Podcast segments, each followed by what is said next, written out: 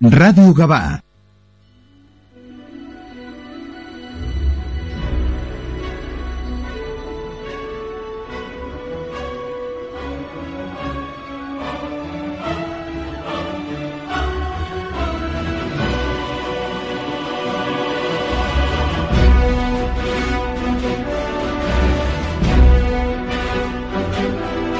Aquí comienza el quinto fantástico.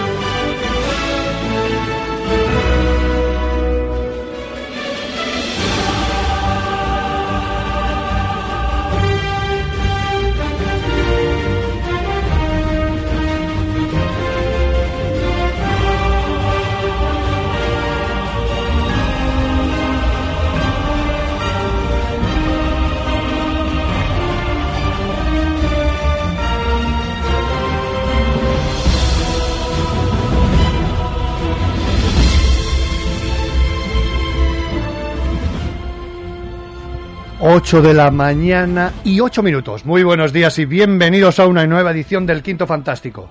Episodio 8 de la octava temporada. Hoy nuestro programa viene, viene, viene bastante cargadito porque hemos estado en varios sitios y bueno, y sobre todo tenemos entrevistas aquí también en el estudio. mmm, el último, la última aventura de Doc Pastor. eh, viajes, al, viajes en el tiempo. Series, cómics y cine. Y, y en la primera parte tendremos nuestro pequeño, nuestro pequeño homenaje a esos 44 años de, del Mazinger Z, ¿no? Eh, estuvimos allí en la inauguración de la Plaza Alfredo Garrido, en Cabra del Camp. eh, estuvimos hablando con él. Estuvimos hablando con él, como habéis visto en redes, eh, muy emotivo por mi parte. Quieras que no, uno, uno retrocede esos 44 años a la niñez y, te encuentras a la persona que te hizo vibrar mm, con, con, con aquella canción en castellano, ¿no? Y te cuenta algunos entresijos de, de cómo se gestó eh, esta historia, ¿no? Ya lo, lo escucharéis tranquila, lo escucharéis tranquilamente. Eh, deciros también que allí conocimos a, alguien muy especial eh, y que, bueno, un alguien lleno, un chico lleno de sabiduría, tenía su paradeta y estuvimos hablando con él y bueno, mm, nos quedamos alu- alucinados y creo que la mejor manera era, era de, de, de- la mejor manera era de compartir eh, sus vivencias con, con, esta eh, las vivencias que nos ofreció David Muñoz en, su, en sus trabajos de cine hay algo de cómic mucho de cómic y creo que era muy interesante a la hora de a la hora de de, de- que lo conozcáis todos los oyentes de Radio Gaba así que sin más preámbulos hoy más que más que más que nunca nuestra Afrodita A nos vamos con Mazinger Z.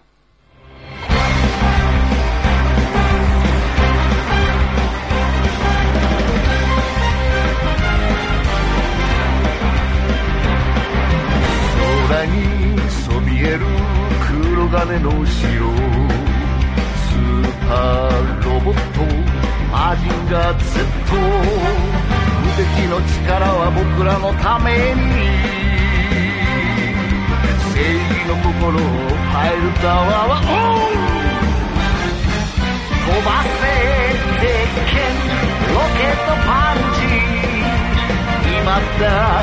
닿습니다 Breath of fire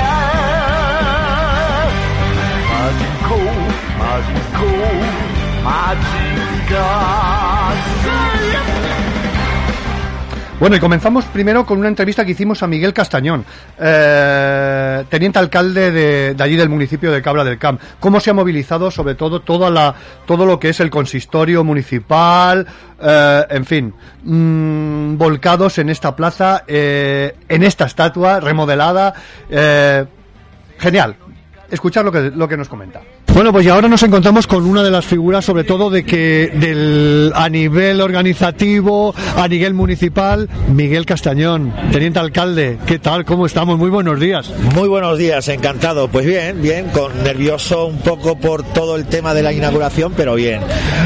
Después de cuatro meses de estar todos los días en, al pie del cañón en la plaza y ir solventando todos los problemas que hemos tenido. Pero ahora ya bien. Me- perdona. Homenaje merecido.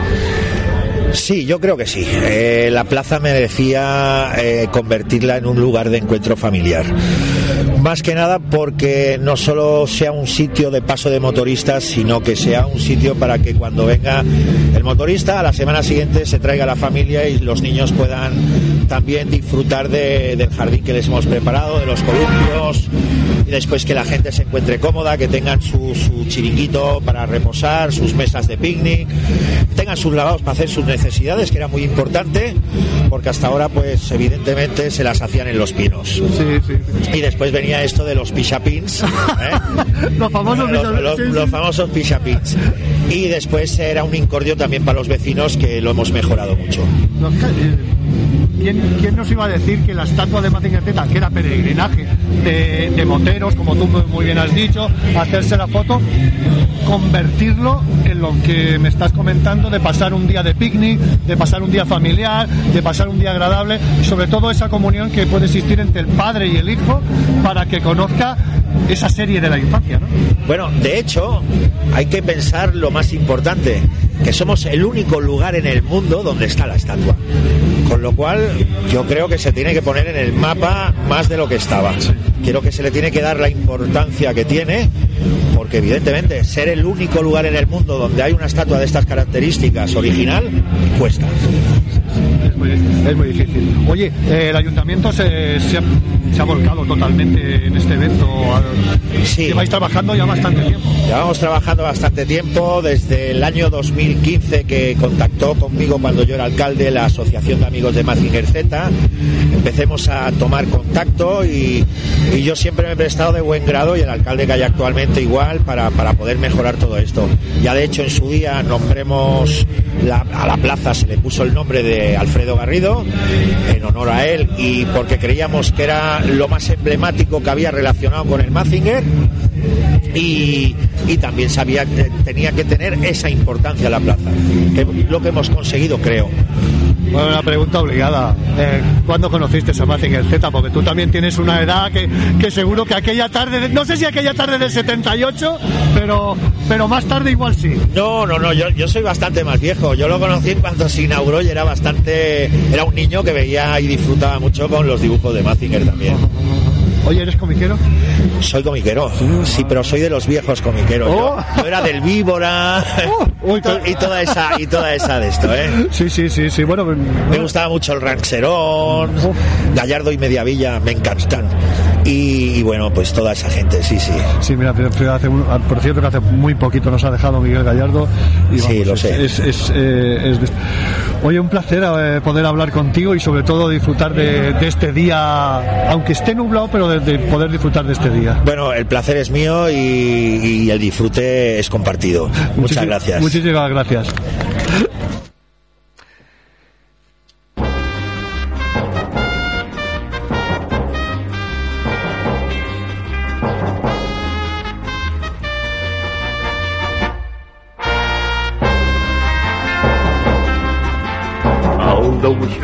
Can fight for good, give it all they got.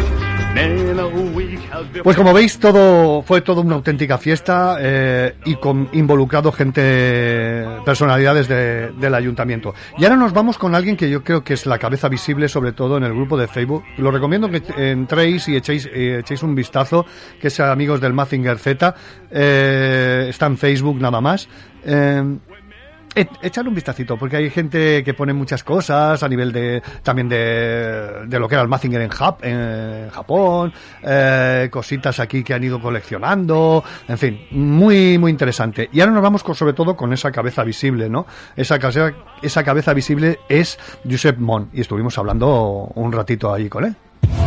Bueno, 12 del mediodía nos encontramos ya en Cabra del Camp y nos encontramos con uno de los principales prácticamente de los de, de organización y sobre todo del, del grupo de Facebook Amigos del Mazinger Z. Josep, ¿qué tal? Muy buenos días. Buenos días. ¿Cómo Pues sí, aquí estamos. ¿Cómo estamos? Con un poco de frío, el día es frío. Qué pena. Por suerte no va a llover, ya vemos que no va a llover. O sea que después de todo, bien. Y el ambiente se irá caldeando. Sí, sí, yo creo-. Oye, muy bien. Esperábamos que yo, bueno, bueno, un poquito con la lluvia, digo, seguro que estaría un poquito mal, pero no, la gente se ha animado bastante, ¿eh? Sí, esperábamos mucha más gente. Oye, Lo que pasa es que la previsión de, de lluvia ha cortado un poco, pero vamos, estamos contentos. Pregunta obligada, ¿cómo, cómo conociste a Mazinger? Bueno, uy, pues, pues yo en directo en el 78, con la primera emisión que nos impactó tanto a todos. Sí, sí, sí. Y ya ves, desde entonces, desde entonces, Así, yo creo que eh, con el paso del tiempo, sobre todo, nos ha hecho más apreciar la serie, ¿no? Sí. Eh, la, la hemos ganado más en cariño por aquella por lo que te pareció aquella tarde, después por lo que sucedió, de que, de que la cortaron y tal, pero yo creo que nos ha hecho coger más. ¿no? pues mira, hace dos días, el viernes, hizo 44 años. Y ya ves que está más viva que nunca. Ahora Salvat ha sacado el coleccionable de Mazinger Z, o sea que toda esta gente son, yo creo que es recuerdo de, de nuestra infancia, es un recuerdo Imborrable. Eso es, y no había nada parecido. Estábamos acostumbrados a Marco, Heidi, y esto fue un chaval con un robot luchando por la paz contra el Doctor Infierno. Era alucinante. Oye, yo creo que, eh, fíjate, ahora que has dicho lo de las tardes y tal, eh, Jesús Romero en su libro, no sé si lo has leído, Sí, el libro, sí, sí. lo dice muy bien, dice, la tarde que sacamos a nuestras abuelas y a nuestras madres Vaya, la tele. vaya. Jesús Romero estuvo en el primer encuentro de amigos de Mazinger. Ajá. ¿Qué hicimos? Lo trajimos. O sea que es socio, amiguete. Muy bien. No, es genial por- porque estuvimos, eh, hicimos un, un gran programa con él, porque estuvimos hablando prácticamente de todo su libro y demás, y lo, lo pasamos pipa, ¿no? Eh, recordando sobre todo, bueno, todas las anécdotas, todas las, porque es, es un documento, yo lo recomiendo mucho. el libro. Sí, sí, es muy bueno, muy bueno. Además, gráficamente es una pasada. Las ilustraciones, muy bonito, muy bueno. Sí. Bueno, ¿y cómo sale la idea del amigos de Facebook? Bueno, no es Facebook, esto en realidad te explico cómo fue. Nos conocíamos unos cuantos fans mazingueros y entonces un chaval de Bilbao dijo que iba a venir a ver la estatua a Tarragona con su pareja, que por qué no nos reuníamos en la plaza. Y yo le dije, vale, nos reunimos en la plaza, le digo a unos cuantos amigos más de Cataluña, que son los que están más cerca, cuanto más seamos, mejor lo pasaremos. Pues se me ocurrió ponerlo en mi página de Facebook y se montó la Marimorena. Gente de toda España que iban a venir al evento. Y entre ellos el alcalde de Cabra del Camp, que me dijo lo que os haga falta. Ponemos mesas, ponemos una barra, ponemos música. Fantástico. Y entonces yo digo, bueno, pero toda esta gente que va a venir, ahora es una responsabilidad. No es lo mismo juntarte cuatro amigos, que venga un montón de gente de toda España. ¿Qué les podemos ofrecer a esta gente?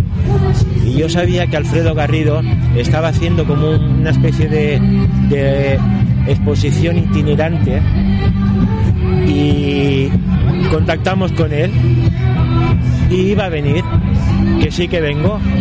Y entonces, claro, entonces viene Alfredo Garrido, pero ¿para qué? Para ver a los frikis que nos juntemos en la plaza, ¿qué le podemos ofrecer a este hombre?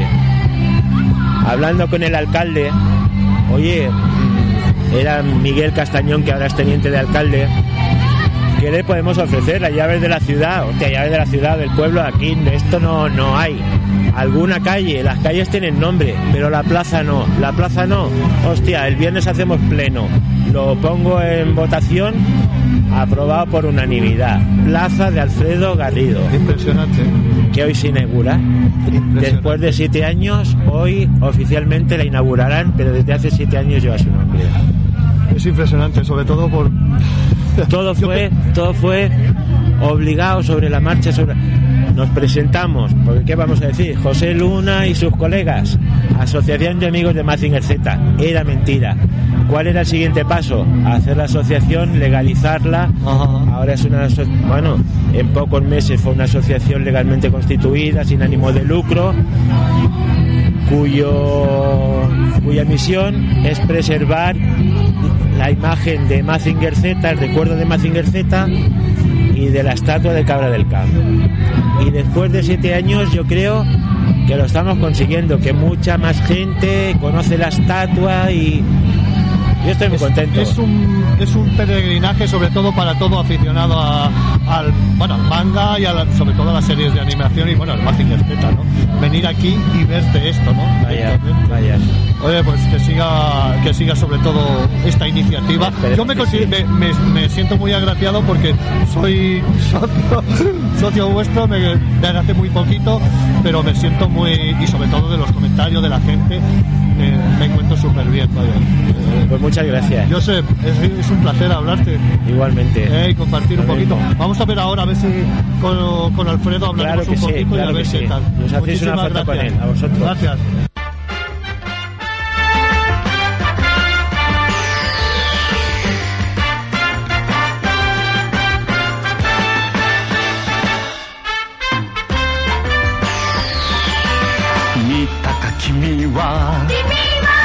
マジンガー Z」「聞いたか君は。マジンガー Z」「強いんだ。大きいんだ。僕らのロボットなんだ」「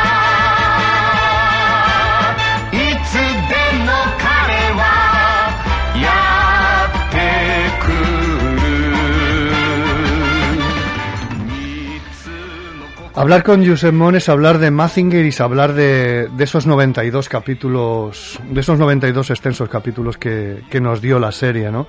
Eh, fijaros cómo, cómo de, con un movimiento, con la estatua que estaba allí, con un movimiento a través de toda España, la que se formó y sobre todo el paso que da Alfredo Garrido a, ya que tenía esta, esta exposición itinerante a, a venir allí a Cabra del Camp eh, y, a, y a montarlo y hacer ese, esa fiesta que creo que va a ser casi todos los años. Bueno, el año que viene ya, fijaros, con 45, con 45 años ya cuesta. Sobre todo, yo creo que es mucha nostalgia. A ver, mucha nostalgia, pero es p- eh, por todo lo que nos ofreció la serie en, en, en su día, ¿no? Eh, otra cosa, eh, nos vamos ahora co- con, una pe- persona que es, eh, bueno, ya es el no va más, el cosplay, ¿no? El cosplay de, de- del Mazinger que había allí era, era algo increíble. Fijaros cómo lo narro, pues que lo narro con mucha emoción, porque el ver a alguien, a Emeterio, en este caso el que vaya, su esposa Paula, que estaba allí con las cabezas, montando, desmontando polo, el planeador, el, el mando a distancia que llevaban para que se, para que pudiera el planeador subir, para hacer los efectos de, de fuego de pecho, los propulsores, bueno, era, era increíble, ¿no? Lo- el, cosplay es una auténtica gozada. Si alguna vez se acerca vuestra, cerca de vuestra ciudad, no dudéis en ir y hablar con Emeterio, porque es un tío que, como lo veréis, súper simpático y desprende bondad por todas partes. Bueno, pues nos encontramos delante de uno de los cosplays más espeluznantes. Aquí no está, cómo está grabando, lo pondremos en, eh, en Instagram y en Facebook. Es impresionante cómo sale el planeador hacia arriba y el cosplay, bueno, un traje espectacular. Y bueno, yo creo que aparte, creo que tiene que haber, ahora está bajando, espectacular. Espectacular como baja. Genial, encendiéndose los ojos. Madre mía de mi vida. Madre mía de mi vida. Bueno, yo creo que creo que el Mazinger que nos viene nos viene creo que de Albacete, ahora nos lo va a colaborar.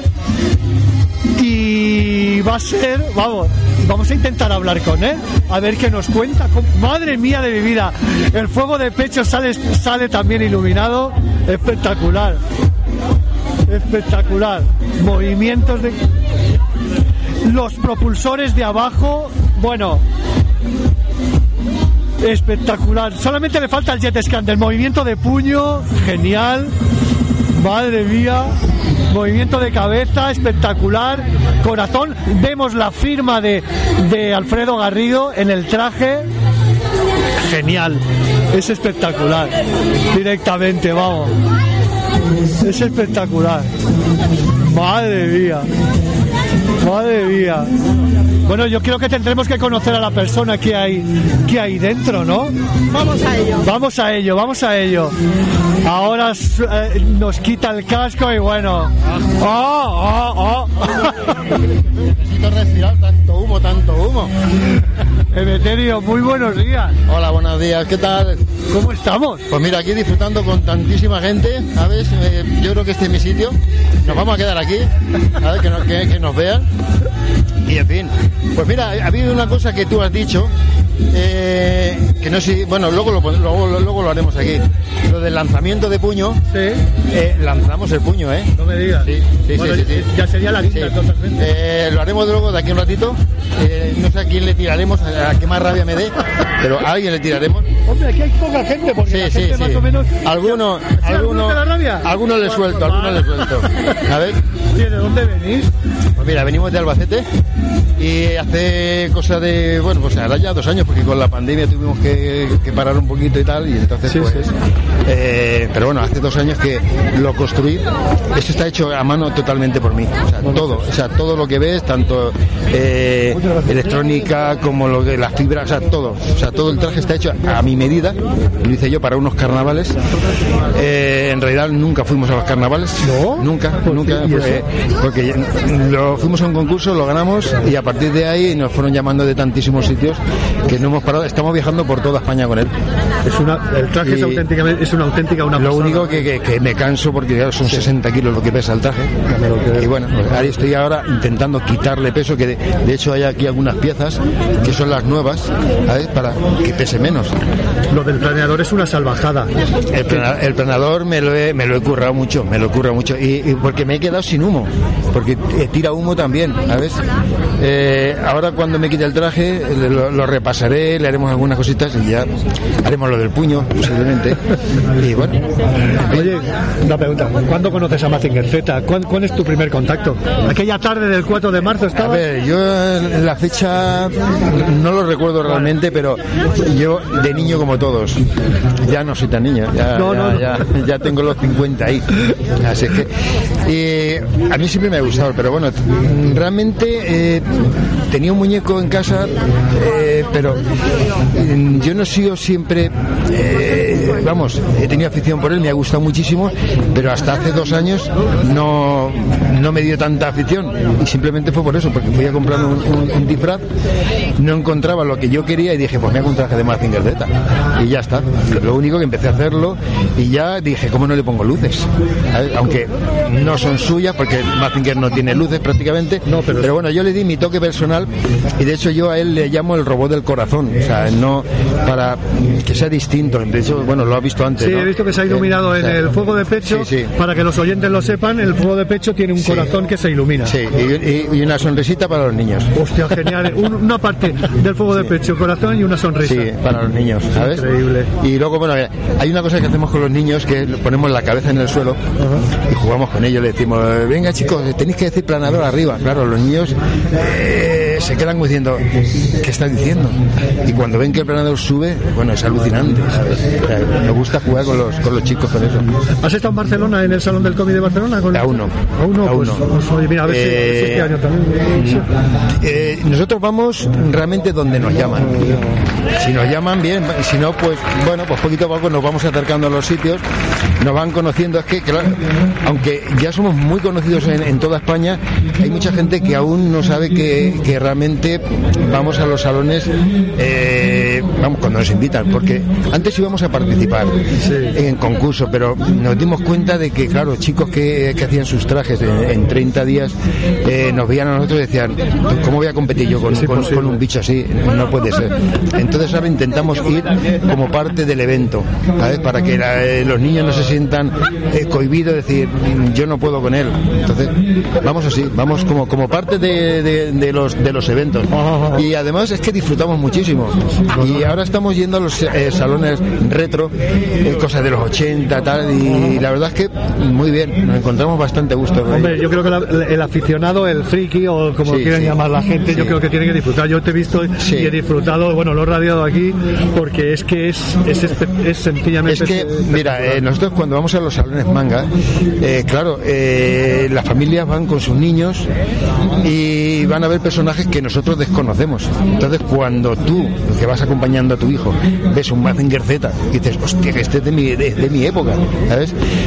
La gente alucina, dice, hazte una foto con él. Dice, no, no, hazte tú, que es tuyo.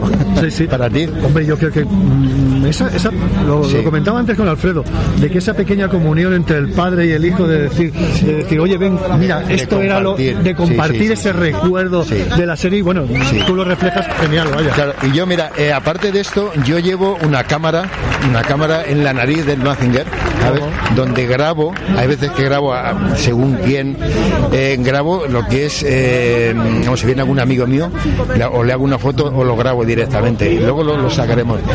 Y, eh, o es que no te imaginas lo que yo veo a través de los ojos de Mazinger, no, no te lo imaginas la cara de, felicidad de, tantísima gente que dices tú. O es que no sé describirte eh, esa sensación.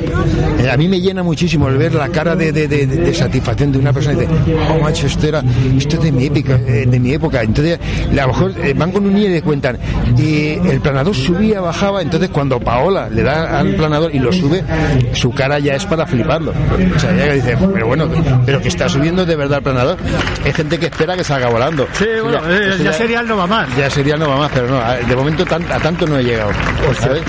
Emeterio, genial. y- Pero- ah, dime, dime, dime. Pero vamos, que, que realmente yo no pensaba que iba a tener la aceptación que ha tenido el, el- No, yo cuando te el- visto, el éxito. yo cuando te he visto, eh, bueno, si llegas a tener la cámara, vamos, mi cara era, eh, era, era de alucine total y absoluto. Pues digo, y yo, salvajada. como yo eso lo veo, que claro, a mí no me ve nadie. Yo ahora mismo, una vez que me pones la cabeza, no me busques por ningún sitio, no se me ve, no, o sea, no se ve ningún trozo de mi cuerpo por ningún sitio.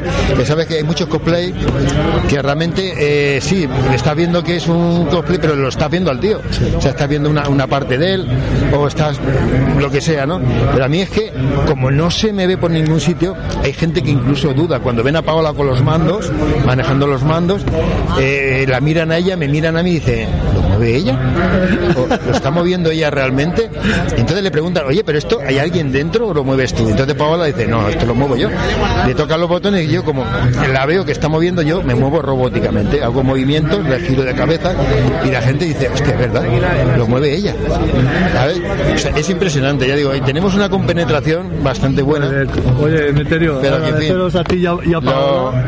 lo, lo pasamos bien en los sitios. Pues es lo más O sea que es- importante. es- mira, nosotros prácticamente eh, es que disfrutamos de esto. O sea que no es. Muchas veces, mira, eh, cuando pongo, yo pongo cosas to- todos los días en Facebook, en, en- en Instagram, en, mi, en, mi- bueno, en todos mis estados, y para muchos ser el tonto del Mazinger, seguro. No, no, para muchos, no te, lo- te lo digo en serio. Es que yo conozco a Albacete y sí que sé que, que, que muchos dirán el tonto del Mazinger, pero bueno, hay quien le gusta el fútbol, hay quien le gusta otras cosas. A mí me gusta mi Mazinger, disfrutamos con él, salimos con él. Y ya está, eso es, lo, eso es lo que hay. El día que no pueda o me canse, pues lo aparcaré en un sitio y me dedicaré a otra, otra, a otra cosa. Y ya está. O sea que. Emeterio, un auténtico placer hablar contigo y, y haber con, haber participado, haber visto en directo cómo, cómo es el traje y sobre todo hablar contigo que porque desprende desprende muchas cosas muchas cosas de lo que dices que dices a través de tu de que ves tú a través de la cámara las desprendes tú Sí, hablando. pues te digo que, que a mí me gustaría muchas veces poner incluso uno de los vídeos que viene la cara de la gente de, de- de- de satisfacción. Ponlo, A ver, ponlo, o sea que- Lo que ponlo. pasa que es, eh, hoy en día, como lo hemos hecho así tan mal, porque es verdad, eh, hoy en día no puedes eh, sacar a un niño, no puedes, todo el mundo se molesta por cualquier cosa, entonces hay cosas que dice ya, ¿para qué? O sea, yo, se, me, se me quita muchas de la- las ganas de hacer todas estas cosas por eso, porque es que ya hay tanta cosa prohibitiva que es O sea, nos, estamos, nos estamos perdiendo muchas cosas por estas cosas. Pero en fin. Pues me voy a poner la cabeza, porque lo, lo Venga. vas, lo vas a grabar. Venga. Pa- Paola, ponme la cabeza. Vamos a ver cómo la cabeza. Vamos. Venga, que nos vamos con el Mazinger. ¿Eh? No, ponme la cabeza que, me, que, que, que voy, a, voy a lanzarle unos rayos. Me faltan los No, no, esa no me la pongas. Esa no me la pongas, ponme la otra. Este es el proyecto con menos peso. Porque Eso parece. ¿Y por qué era una cosa así? Ah, yo qué sé. En cierto modo me ha decepcionado. Veamos. ¿Esa bandera significa que te rindes? Contesta sí o no. O peleamos. Yo contestaré en nombre del monstruo mecánico. Oh. ¿Y usted quién es? Ah, profesor Yumi, dejémonos ya de luchas inútiles. La bandera blanca del Jairon J1 no equivale a su rendición. Es un simple mensajero que ocupa mi lugar para tratar de paz. Un mensaje desarmado y pacífico. Tampoco nosotros somos partidarios de las armas y de la destrucción. Genial, Emeterio y Paula, agradecerles que, que nos ofrecieran ese espectáculo visual. Yo lo recomiendo, si podéis entrar en, en- el Instagram y, y en el Facebook, la podéis disfrutar porque es una auténtica salvajada. Y bueno, insisto, si van a vuestra ciudad en algún salón retro, salón del cómic y tal, no dudéis porque Emeterio y Paula son auténticos trocitos de pan y, y vamos, eh, os contarán toda la historia de su Mazinger Z. Fijaros en este trocito que hemos puesto, la voz del conde Brocken, eh, Constantino Romero, sí, efectivamente, sí, Constantino Romero, eh, uno de los momentos claves, el Jairon J5, espectacular.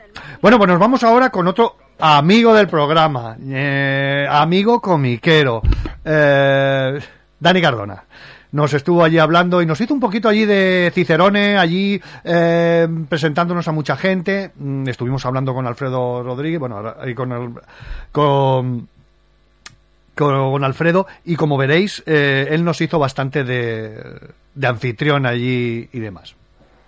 Bueno, y ahora nos encontramos ya mm, con un amigo del programa, Dani Cardó. Buenos días. Muy ¿qué buenos tal? días de frío. De buenos días, por decir algo. Qué por pena, me cago en la leche, con, con- con los días, con los Bueno, domingos que nos ha hecho Es, nosotros. es lo que toca. El, el ser un friki es, es un- es ser un sufridor. Y bueno, nos hemos pasado meses con calor. Y hoy, que era el día especial de, de- de- de inauguración de la plaza, pues tiene que llover o tiene que hacer frío. De momento no llueve, pero frío hace un frío de cojones. Oye, yo sé que tú has puesto tu granito de arena en toda esta historia, ¿no? Sí, llevamos muchísimos años con el tema de la plaza, cuando se descubrió, no estaba la, la estatua, ya sabéis que está desde el año 79, pero hace muchísimos años que estaba muy dejado todo esto y cuando, bueno, empezó el proyecto de, de Josep con, con los colegas de, de Mazinger y demás, pues se hizo el primer encuentro y se, se empezó, se nos dedicó dedicamos mucho tiempo para poder ser lo que nos nosotros nos decimos los guardianes de la, de la estatua, ¿no? Qué bueno, qué buena- qué buena frase. Eso es, y, y bueno, de- hasta llegar hasta donde estamos hoy, pues hemos, hemos pasado bastantes, porque sea temas de repintado, temas de todo esto, y bueno, yo y es un orgullo poder estar aquí otra vez para poder por fin de- dedicar la plaza a Alfredo, ¿no? Al maestro. Qué, qué mayor homenaje yo. Bueno, yo hace poco, muy poco, llevaré casi un año más o menos en, en el grupo de Facebook y tal. Y cuando vi esta idea, bueno, me llevé, digo, qué gran homenaje, qué gran detalle hacia el, sobre todo hacia, Sí, sí, sí, sí, sobre todo por él, porque bueno, la estatua en sí es, un, es un- una maravilla, ¿no? Tener aquí, para nosotros es uno de los, monu- de los mejores monumentos de Cataluña. y, pero tenerle el, el placer y el orgullo de poder tener una plaza con su nombre, para los que hemos sido de esa época, ah, vamos, conocerlo y además como, como, bueno, ya lo has podido comprobar cómo es él como persona, la familia, o sea, es el mejor homenaje que se le puede hacer, de verdad. Eso es, conocerlo en persona eh, todavía, mira que siempre lo ves un poquito en fotos, ah, he escuchado entrevistas, pero el conocerlo en persona ha sido una de las mayores satisfacciones de mi vida. Es que, es, que es, vamos, bueno. Sí, sí, yo, yo muchas veces cuando eh, voy a ver a mi madre, que también bueno, es ma- es mayor y tal, y digo, mamá, que he conocido a Alfredo Garrido, y me decía, pero Alfredo Garrido, ¿quién sí? ¿Te acuerdas que cuando utilizábamos aquellas cintas de cassette que poníamos un celo y hacíamos callar a toda la familia esos, esos años de, de- de fines de semana de Mazinger para poder tener la banda sonora grabada y todo el capítulo grabado y toda la familia callada para poder tenerlo? Y decía, pues por fin lo hemos conocido y, y no solo eso, hemos conseguido, hoy por ejemplo se, se estrena una de la, de la canción de Doctor Infierno que la estáis oyendo de fondo para, para nosotros volver a hacer, poder hacer que, que vuelva a cantar y demás es un, vamos, un orgullazo, Ma- ma- ma- vamos, mucho más que la estatua, tener a don Alfredo aquí, vamos. Yo, yo cuando lo pusiste en el grupo de Facebook, yo aluciné. Yo aluciné porque digo, no puede ser, esto no es verdad. Digo, este, digo, digo, este... Lo hemos hecho.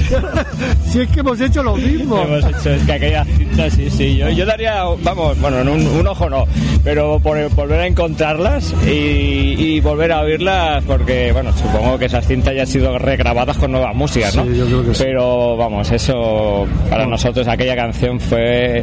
Y, hoy, por ejemplo, le he traído unos vinilos de, de Marco, de Vicky, de Tarzán, de la abeja maya, porque no solo le he dicho, digo, Alfredo, es que no solo de Mazinger River, hombre, digo, No, también no, no. hemos tenido una infancia y tal, pero sí, sí, para nosotros ha sido la banda sonora de nuestra infancia, Sí, sin sí, lugar a sí. dudas. Yo, yo creo que eh, de la manera, precisamente lo comentaba antes con Joseph, que de la manera que primero se puso y después salió de aquella manera tan abrusca y demás para todos que nos Sí, vimos. sí, sí. ¿Qué ha pasado? Esto no puede ser. Pues sí. Pues no llegó. Oye, tú estabas eh, aquella tarde de- del 4 de marzo. Yo estaba, estaba delante de la tele y estuve la fatídica tarde que nos pusieron a Orzoway. Dios mío.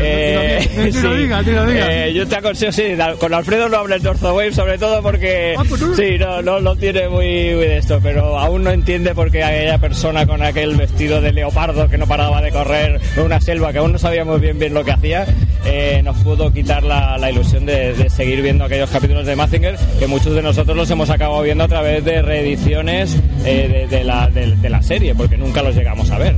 Pero sí, estaba allí, estaba allí. Oye, una pregunta ahora cambiando un momento de tema de Mazinger. 6, 7 y 8 de mayo vas a estar allí, ¿no? En el Salón de, de Barcelona. ¿no? Estaremos por fin, por fin. Yo te voy a hace muchísimos, mucho tiempo que esperamos este reencuentro con la, con, con la gente que siempre vamos al salón del cómic porque ha sido para nosotros esta. Hoy, por ejemplo, es un placer, la verdad, ver gente que hace mucho tiempo que no ves, pero el salón del cómic es, es nuestro salón del cómic. Pues a ver si te vienes al estudio y hablamos. Cuando pase Ahí. todo esto, vienes con la Mari, vienes con la Mari y hacemos una tertulia Pues, allí eh, con un cafetito. Lo, lo tú quieras. Dani, Venga. un placer tenerte en saludo. Quinto Fantástico y, y hablamos. Muchas gracias.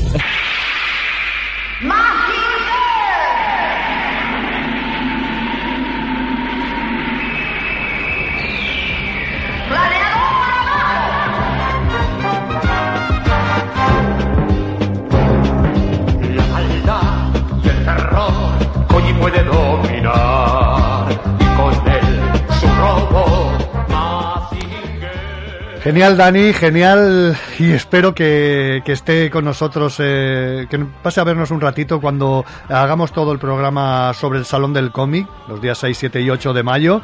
Después, cuando lo hagamos, que venga él y Mari, como no, que vengan y nos cuenten sus vivencias, porque ellos son de los que se pasan un día, dos días allí, eh, firmando, eh, buscando cómics, en fin, es increíble. Bueno, damas, caballeros, pues, ¿qué os voy a decir ahora? No sé. Eh, como me puse en su... Perdonar, eh, me encanta una frase, me encanta una frase de Dani cuando dice los guardianes de la estatua. Me encanta, me encanta esa frase. Pondremos entera la canción de, de estreno que nos ofrecieron allí en primicia de Infierno, interpretada por Alfredo Garrido en la actualidad. ¿eh? La pondremos entera. Eh, una cosa que os iba a decir, bueno, lo que estaba diciendo, ¿no? Eh, que bueno, tener a Alfredo Garrido delante ha sido todo un auténtico lujo. Mm, se me caía todo. Eh, me faltaba, me faltaban preguntas, me faltaba de todo. Pero bueno, me pongo en su lugar. La hija estaba allí cuidándolo, arropándolo, porque hacía un frío tremendo y estuvo allí en todo momento. Pero él estuvo, estuvo genial, estuvo cortés. eh, bueno, disfrutar de lo que nos dijo. Bueno, pues eh, estoy un poco temblando porque quieras que no estamos uno con, con uno que nos hacía vibrar, con alguien que nos hacía vibrar en, en aquella en aquella tarde de marzo y que nos hacía soñar y que nos hacía de todo. Don Alfredo Garrido, muy buenos días y gracias por estar en el quinto fantástico de Radio Gabá. Pues nada, muchas gracias y un saludo para todos. ¿Qué tal cómo estamos? Pues estamos, estamos aguantando como podemos. Orgulloso sobre todo de, de, de, de- de- de la plaza, de este, de este gran homenaje a usted. Hombre, por supuesto, es un. Joder, tengo, estoy muy contento y además, en fin, eh, me lo guardo en, un rinconcito del corazón. Este sitio, Cabra del Cante, de ahora en adelante será alguien dentro de mí, o sea que eh, estoy muy orgulloso de que hayan puesto el nombre de esta plaza y muy agradecido, en fin, a todos. Yo tengo que preguntarle obligatoriamente cómo le llega el proyecto de, cantar la canción original del Mazinger Z. Bueno, pues el proyecto llega porque yo en ese momento soy eh, productor y director artístico en Philips. Y entonces yo estaba encargado de hacer nuevos proyectos. Y entonces llegó la serie a España y yo dije, oye, pues había que hacer una adaptación aquí del tema. Y entonces a mí se me ocurrió hacer una maqueta, hacer la letra y hacer una maqueta cantándola yo mismo. La mandé a los japoneses y los japoneses se entusiasmaron. Perdone una cosa, ¿la mandó a los japoneses o, o la recibe Televisión Española? No, no, la mandé a los japoneses porque necesitaba el permiso yo de los japoneses, que dieron el permiso para incluirla dentro de la serie de televisión española. Ostras, ese detalle no lo sabía. Yo creía Sí, que le sí. había mandado que Televisión Española había adquirido los derechos de, de la emisión del Mazinger y se había puesto en contacto con usted. No, no, no, no, no, no, fue al revés. eh. Nosotros fueron los japoneses los que me dieron el permiso y entonces Philips en colaboración con Televisión Española incluyeron en la serie pues la canción, el tema. Yo he de revelarle una cosa que mi madre siempre decía, que este señor es Rafael el que está cantando. con- Ah. No sé si le acordará usted del, del rumor aquel que... Bueno, pues eh, no solamente ese rumor, sino que hay un, un vídeo que todavía está en internet, que si tú lo buscas en internet el vídeo, sale Rafael cantando el tema de Mazinger con mi voz. o sea que es, es- es la leche, es la leche. Pero bueno, yo no creo que sea cosa de Rafael, es un fans que montó el tema, que hizo algún arreglo ahí. Y bueno, y, pero toda la gente estaba confundida, pero bueno, ya parece que la gente se ha dado cuenta que no es así. Es un placer encontrarse con todos aquellos niños que, que en aquella época teníamos 9 o 10 años y le- yo creo que le muestran esas, esa, esa, esa gratitud, ese cariño hacia, hacia usted, ¿no? Hombre, porque uno al cabo de los años, aunque sea muy tarde ya, pero bueno, se siente valorado del, del trabajo que ha hecho, porque ha sido una época en que hice un montón de series infantiles y que están en el recuerdo de, todo, de todos los niños de entonces, que son los 50, los que tienen 50 años ahora. ¿Se queda con alguna en especial? Mazinger, Marco, que estuvo en la de Heidi, creo que también recordar también. No, Heidi no fue, yo hice la de Marco, hizo Mazinger y la abeja maya, eh, Vicky el vikingo, Tarzán, Río el pequeño Fi, o sea, fin, un montón de... ¿Se queda con alguna en particular? Pues hombre, con esa de en un puerto italiano, al pie de las montañas, esa, esa, esa la cantaba todo, todos los chavales en esa época la cantaba todo el mundo. Sí, era, era, era algo, era algo vamos, obligado. Sí, sí, sí, Y bueno, y a pesar de su edad, usted, usted sigue trabajando, sigue haciendo cosas, es, es imparable, es, es- es incansable. Incansable no, estoy hecho polvo, joder. Pero bueno, sigo, sigo activo porque eh, para el coco se necesita. Sí, sí, sí, sí. sí, sí, sí. Yo, lo, yo lo veo estupendo. Sí, pues, pues muchas gracias, menos mal que me ves bien.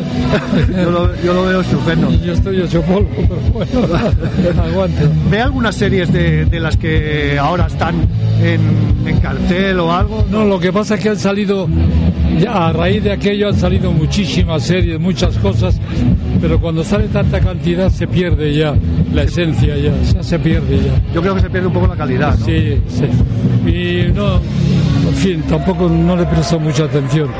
Hay series que a lo mejor a la gente leo, pero no.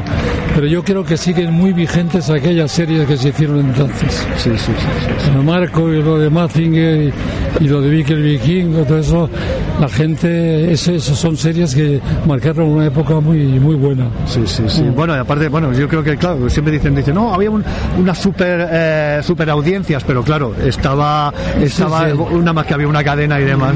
Efectivamente, tenemos, muy una, tenemos un amigo en común que es Jesús Romero, que es autor del libro Sí, y bueno, cuenta sí. un montón de, de anécdotas Sí, sobre todo sobre todo suyas. Muy bien. Don Alfredo, es un placer habernos dedicado unos minutos aquí en el Quinto Fantástico de Radio Gabá, haberlo tenido y bueno, el día 15 pues lo, lo emitiremos. Bueno, y- pues nada, un saludo para el quinto fantástico de Radio Galvat. Un saludo a todos y hasta pronto. Muchísimas gracias. Nada.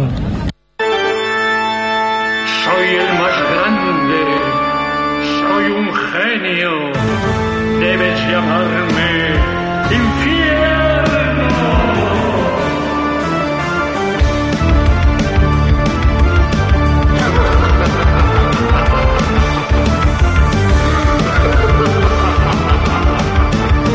En la isla de Bardos puedes decir que nací cuando tantos ingenios y tecnología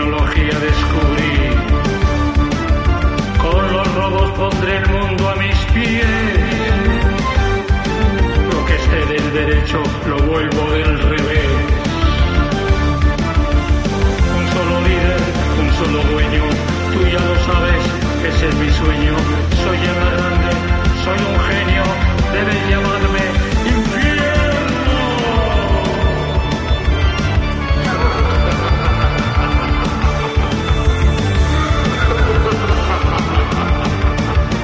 Libramos mil batallas por aire, tierra y mar. En todas me venciste con tu energía ¿quién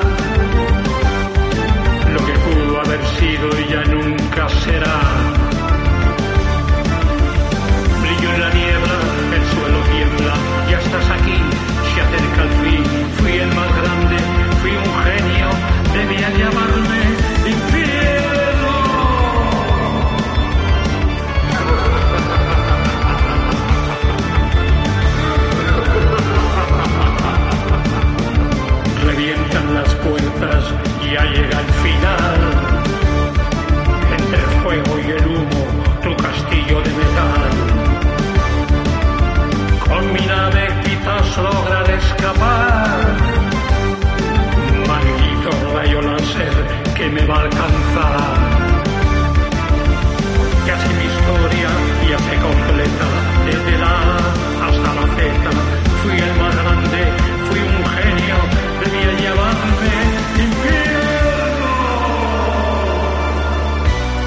Mas si la teoría de cuerdas es cierta, quizás infierno en otra realidad despierta, y ya nunca volverás a dormir, tus pesadillas ya puedes sentir. Recuerda, soy el más grande, soy un genio, debes llamarme infierno.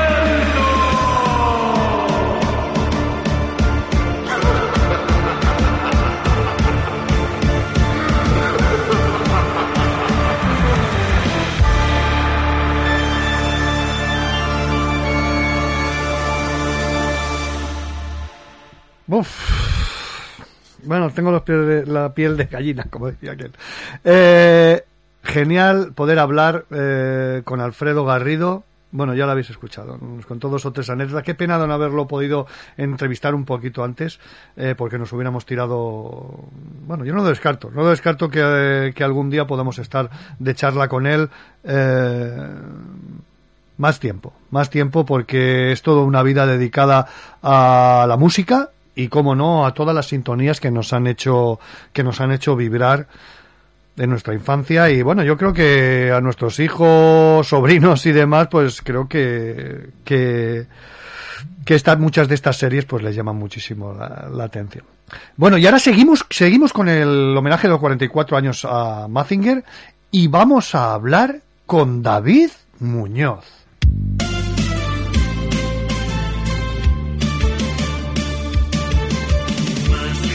de hierro irrumpe la traición. Volando en pedazos toda la mansión.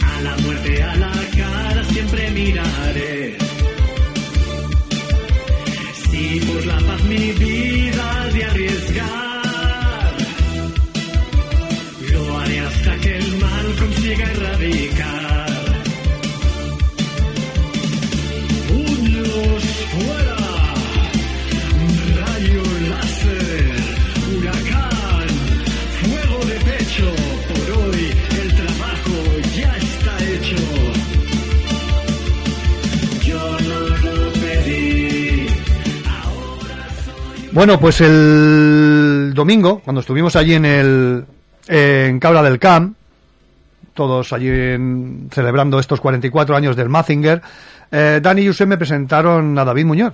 Empezamos a hablar de sus trabajos, sus proyectos, un poquito de su vida, ¿no? He ido llamándolo un par o tres de veces para, para hablar con él y ver la, cómo es, bueno, y sobre todo pues, por su por todo por su trabajo me ha mandado sus cortos os los recomiendo mandaré poner los enlaces a través de, de Facebook de Twitter y de, y de Instagram y sobre todo de una cosita que espero que nos cuente que es un proyecto de, de, de su libro y bueno una persona que mm, información a raudales David Muñoz muy buenos días y bienvenido al quinto fantástico de Radio Gabá Hola, buenos días. ¿Qué tal? ¿qué tal? ¿cómo estamos? Pues bien, bien. Me alegro que, que haya un programa de cómics a, a estas horas de la mañana. es, mm, a ver, te soy sincero, a ver, eh, por el tema de horarios de trabajo y tal, es, a veces es difícil contactar con, con los artistas porque yo comprendo que hasta ahora, a ver, a veces os quedáis, os quedáis vosotros muy tarde trabajando y es difícil, es difícil, pero bueno, la mayoría, Yo, yo soy de madrugar, ¿eh? Yo siempre a las 6, 7 me, me suelo levantar. bueno, ¿qué tal? Oye, ¿disfrutaste allí el, el domingo de lo, allí en Cabra del Camo o qué?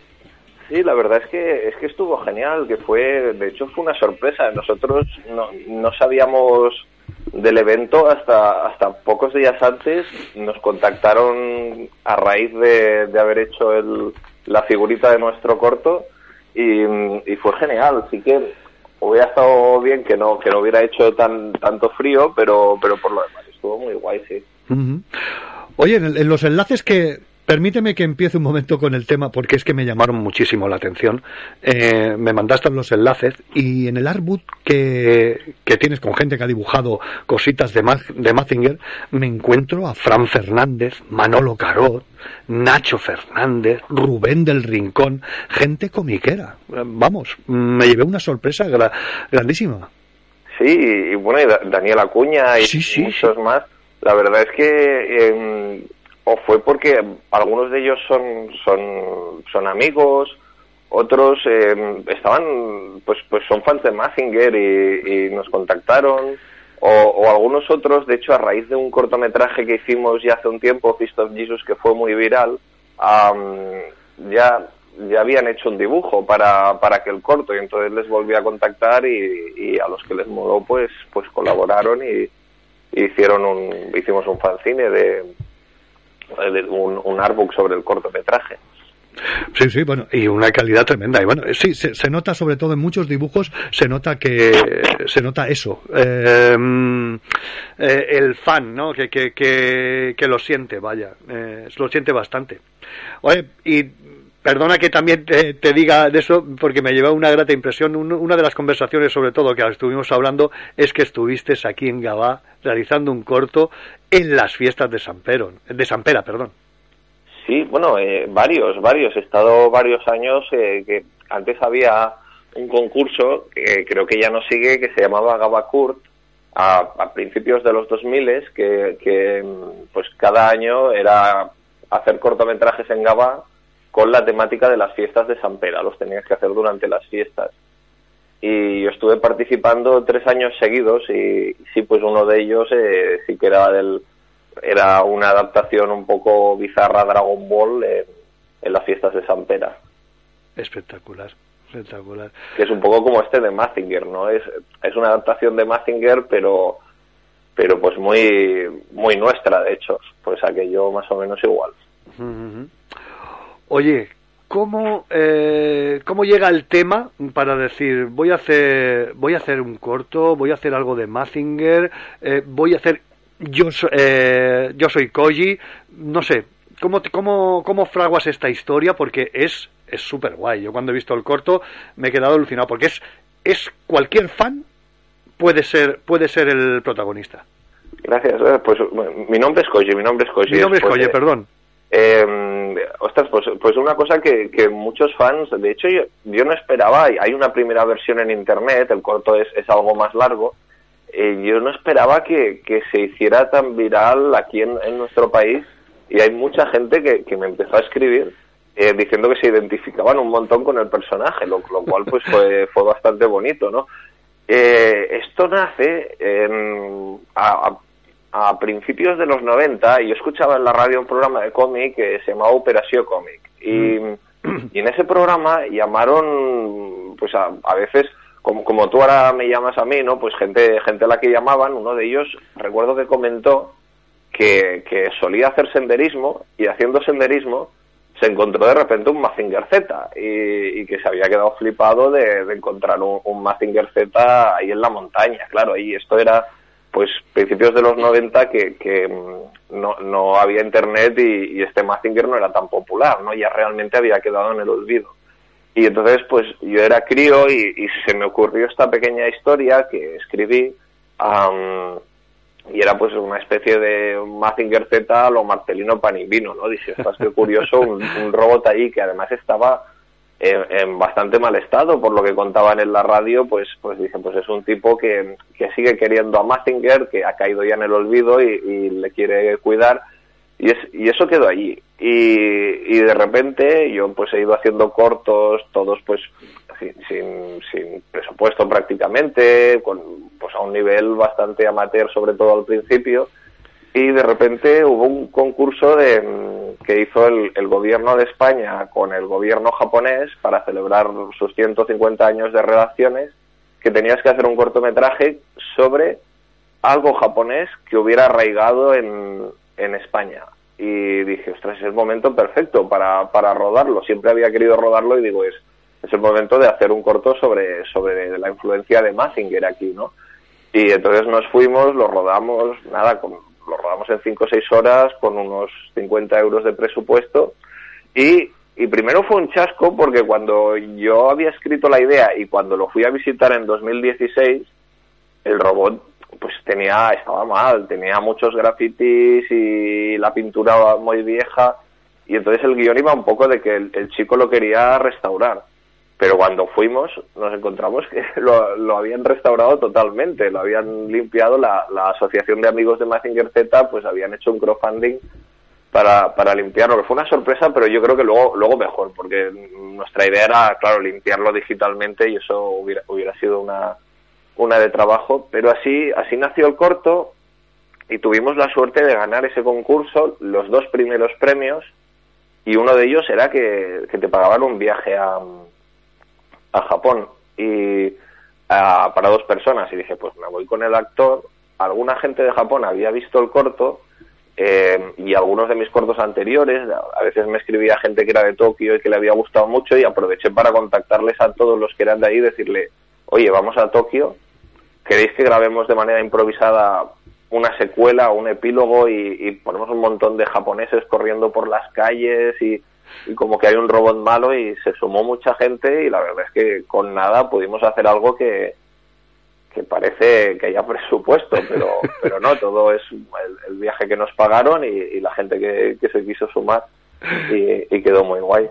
Es que es increíble. Yo te soy sincero, cuando veo el vídeo y veo lo- el- los postcréditos, tal, digo, seguro que lo habrán rodado, habrán colocado algunos efectos especiales, para, pero se, pensaba que la había que la habíais rodado aquí en, en España y tal. Pero después cuando ya me comentas todo el tema de cómo no, es que son todos japoneses, es que están rodado en Tokio, en fin, es, es, es realmente porque ve- ves a la gente muy implicada, a los actores los ves muy implicados, no, no es aquello que vas cogiendo por la calle, no, no, no, es que los ves súper implicados. vaya. Bueno, hay de todo, ¿eh? hay, hay, hay, hay gente con la que contactamos por internet y ya dieron voces a, sus amigos y algunos incluso hacen cortometrajes amateurs también por allí, les había gustado mucho y, entonces se sumaron y realmente se implicaron y hay gente que conocimos por la calle porque piensa que, que el corto pues éramos eh, pues dos europeos de repente ahí en Akihabara que, que es como el, barrio más más friki ah, y, de, y del mundillo del manga y eso, y de repente uno de ellos, pues disfrazado de Koichi Kabuto, eh, y ha llamado la atención y se acercaban para hacerse fotos con él, mucha gente. Y entonces, la gente que se acercaba para hacerse fotos, le- les decíamos, oye, ¿quieres salir en un corto? Y, quiere- y, y muchísimos de ellos se prestaban, pero pues eran, los acabamos de conocer 30 segundos antes de, de grabar el plano en, en el que aparecían, ¿no? Hasta estuvimos en una tienda de, dedicada a Mazinger Z, eh, la encontramos de casualidad, ¿no? Caminando y, y era de fans de Mazinger Z. Y claro, en cuanto eh, entramos y, y hablamos con ellos y les enseñamos el corto, fliparon, nos dejaron la tienda para grabar, que nos venía bien un- una escena de interior donde está el personaje comprando mangas. Y mm, incluso al, al ver el corto no conocían el robot de cabra del camp y, los tipos pues ya planearon su siguiente viaje de vacaciones, que era venir a, a Cabra del Camp porque alucinaron de que hubiera un, un Mazinger tan grande. Ellos todos eran pues flipados de Mazinger Z, muy, muy, muy fans. Y, y pues fue eso, la, la gente que se fue prestando. Espectacular, espectacular. Es que es, que es vamos, y primero grabasteis el, el claro, no esperabais el, el, el premio y después agregasteis eh, las escenas de... Claro, claro, del fue- corto. ¿Cu- ¿Cuántos días estuvisteis allí en, En Japón? Tokio estuvimos, eh, no, no sé si llegó a la semana, seis o siete días. Ostras, Por, por ahí, yo creo una semana. ostras. Y, y fue pues con bastante tiempo de, de diferencia y pues, casi un año, muchos meses entre el, corto y el poscorto. De hecho, el corto lo empezamos a mover como tal, pero a lo mejor a cinco o seis festivales en los que estuvo, porque ya en su momento cuando hicimos el corto dijimos, ostras, ¿cómo molaría, como yo decía de pequeño, cómo molaría hacer hacer esto? No es un- una especie de Marcelino pan y vino a lo Mazinger Z eh, y, y, y de repente una vez lo tenía, pues estábamos con la espinilla de, ostras, ¿y cómo molaría hacer algo de Mazinger de verdad, ¿no? Tener ahí, pues explotar un edificio en Japón y que parezca un robot gigante malo, pero eso era como inabarcable. Pero claro, cuando tuvimos el viaje, eh, pues pues fue de, de hecho el actor me decía no vete vete con tu novia vete con vete con él no no me voy a ir contigo y vamos a seguir. Claro que Va- sí. vamos a hacer algo lo que hemos querido siempre hacer pero pero claro eh, solo no teníamos dinero con lo cual pues es, es un minuto y pico. Ojalá hubiéramos podido hacer pues otro cortometraje entero o, o más. Y el robot fue lo, lo que se ve ahí de bueno, no, no quiero explicar más por si ahora mismo no se puede ver en internet, pero en unos meses lo vamos a poner, la parte de Japón, pues fue em, un amigo que, que hace videojuegos, al que he ayudado varias veces en, en guiones de videojuegos, eh, cuando, cuando necesita que le eche un cable, pues de repente dijo, yo te puedo hacer un, un robot gigante ahí moviéndose por las calles y hostia pues pues lució muchísimo eso y, y, y todos los dibujos que tú comentas que al principio eh, no era algo que esperase y, y de repente pues empezaron a aparecer algunos y dijimos, ostras, vamos a, a hacer el artbook y que los créditos sean dibujos de Mazinger y, y dibujos del Mazinger de, de Cabra del Cami, de nuestro protagonista y eh, de repente Matías Nadal, el, el músico del corto que ha, ha hecho la canción que, que se puede oír durante el corto en japonés, que la canta Andy Fukutome, el, el actor que da voz a, a Mazinger Z, pues am, contactó con Alfredo Garrido, el cantante de, de- de la serie de Mazinger Z y de muchas otras series en los años 70, 80, y le enseñó el corto y, y Alfredo le dijo que bueno que le había encantado y que, que si queríamos hacer una canción nueva él nos la cantaba y, y- sería pues tener al, hombre que cantaba los temas de Mazinger Z de repente cantando el tema de nuestro corto no y, y- Matías hizo una música y, y- tanto Matías como yo y luego Alfredo retocando hicimos una letra que luego pues de repente acaba el corto y, empieza a cantar el, el hombre que cantaba Mazinger Z, ¿no? Que no, no digo nada en los pases de festivales y viene gente que, que fue niño cuando daban Mazinger, pues por la lagrimilla de repente, ostras, es, la voz de, de la serie cantando vuestro tema. Y fue pues todo eso viste muchísimo al corto. Ostras, yo lo que me doy cuenta es de que, de que ha sido, ha sido, haces el corto y, ha- y has ido añadiendo cositas. Venga, ahora esto, ahora el viaje, ahora Alfredo Garrido. En fin, yo que, yo creo que, mm, creo que con este corto no has acabado. Yo creo que irás añadiendo cosas, ¿eh? No lo sé, no lo sé. De, momento, eh, sí que, pues claro, el, el- el corto fue 2018, Japón 2019, eh, Japón y la canción de Alfredo y, y los dibujos y el artbook. Y de hecho, el, este artbook eh, fue un amigo que cuando vio el corto eh, dijo: eh, Te pago, te pago un artbook con, con estos dibujos.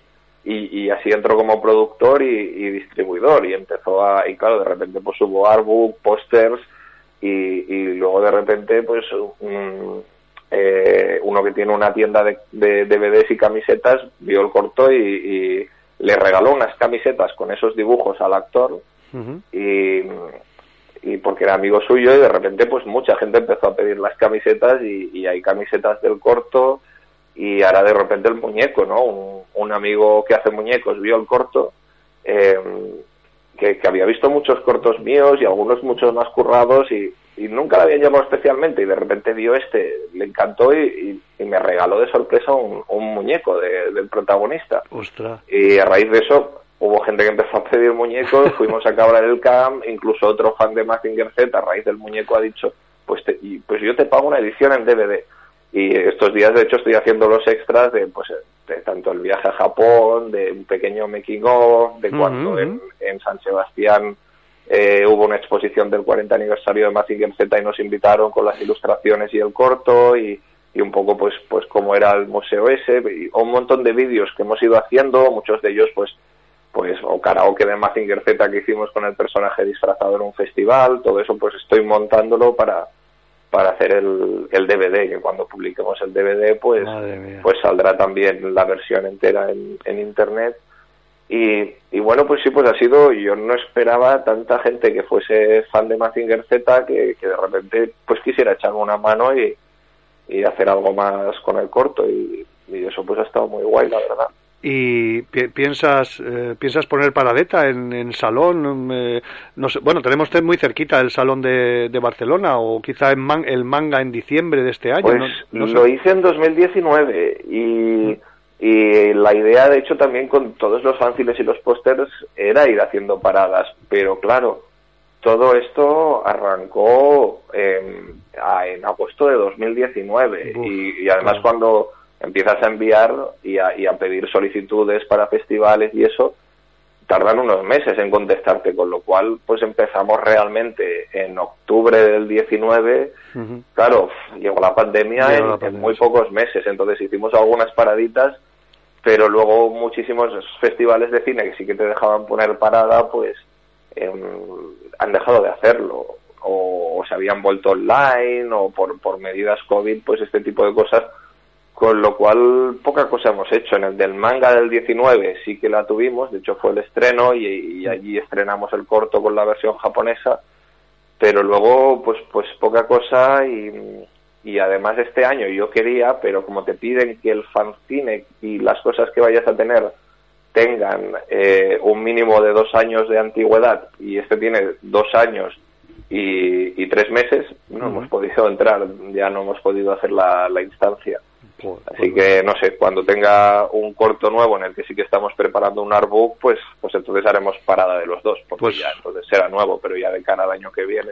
Pues oye, avísanos para dar para dar voces, para para de que estás ahí, de que vas a venir ahí para para intentar, bueno, eh, seguro que estaremos si, si, si es por aquí por Barcelona, Sí, sí, pues diré, estaremos y, y, daremos voces. Oye, una cosita también, eh, bueno, el corto de también hay otro cortometraje de Capitán Justicia, yo yo con ese me he muerto. Eh, me he muerto es, es, es espectacular, ¿no? Y toda la historia que me has comentado de San Diego, de que lo han puesto allí, bueno, en fin, es espectacular el, el de Capitán Justicia.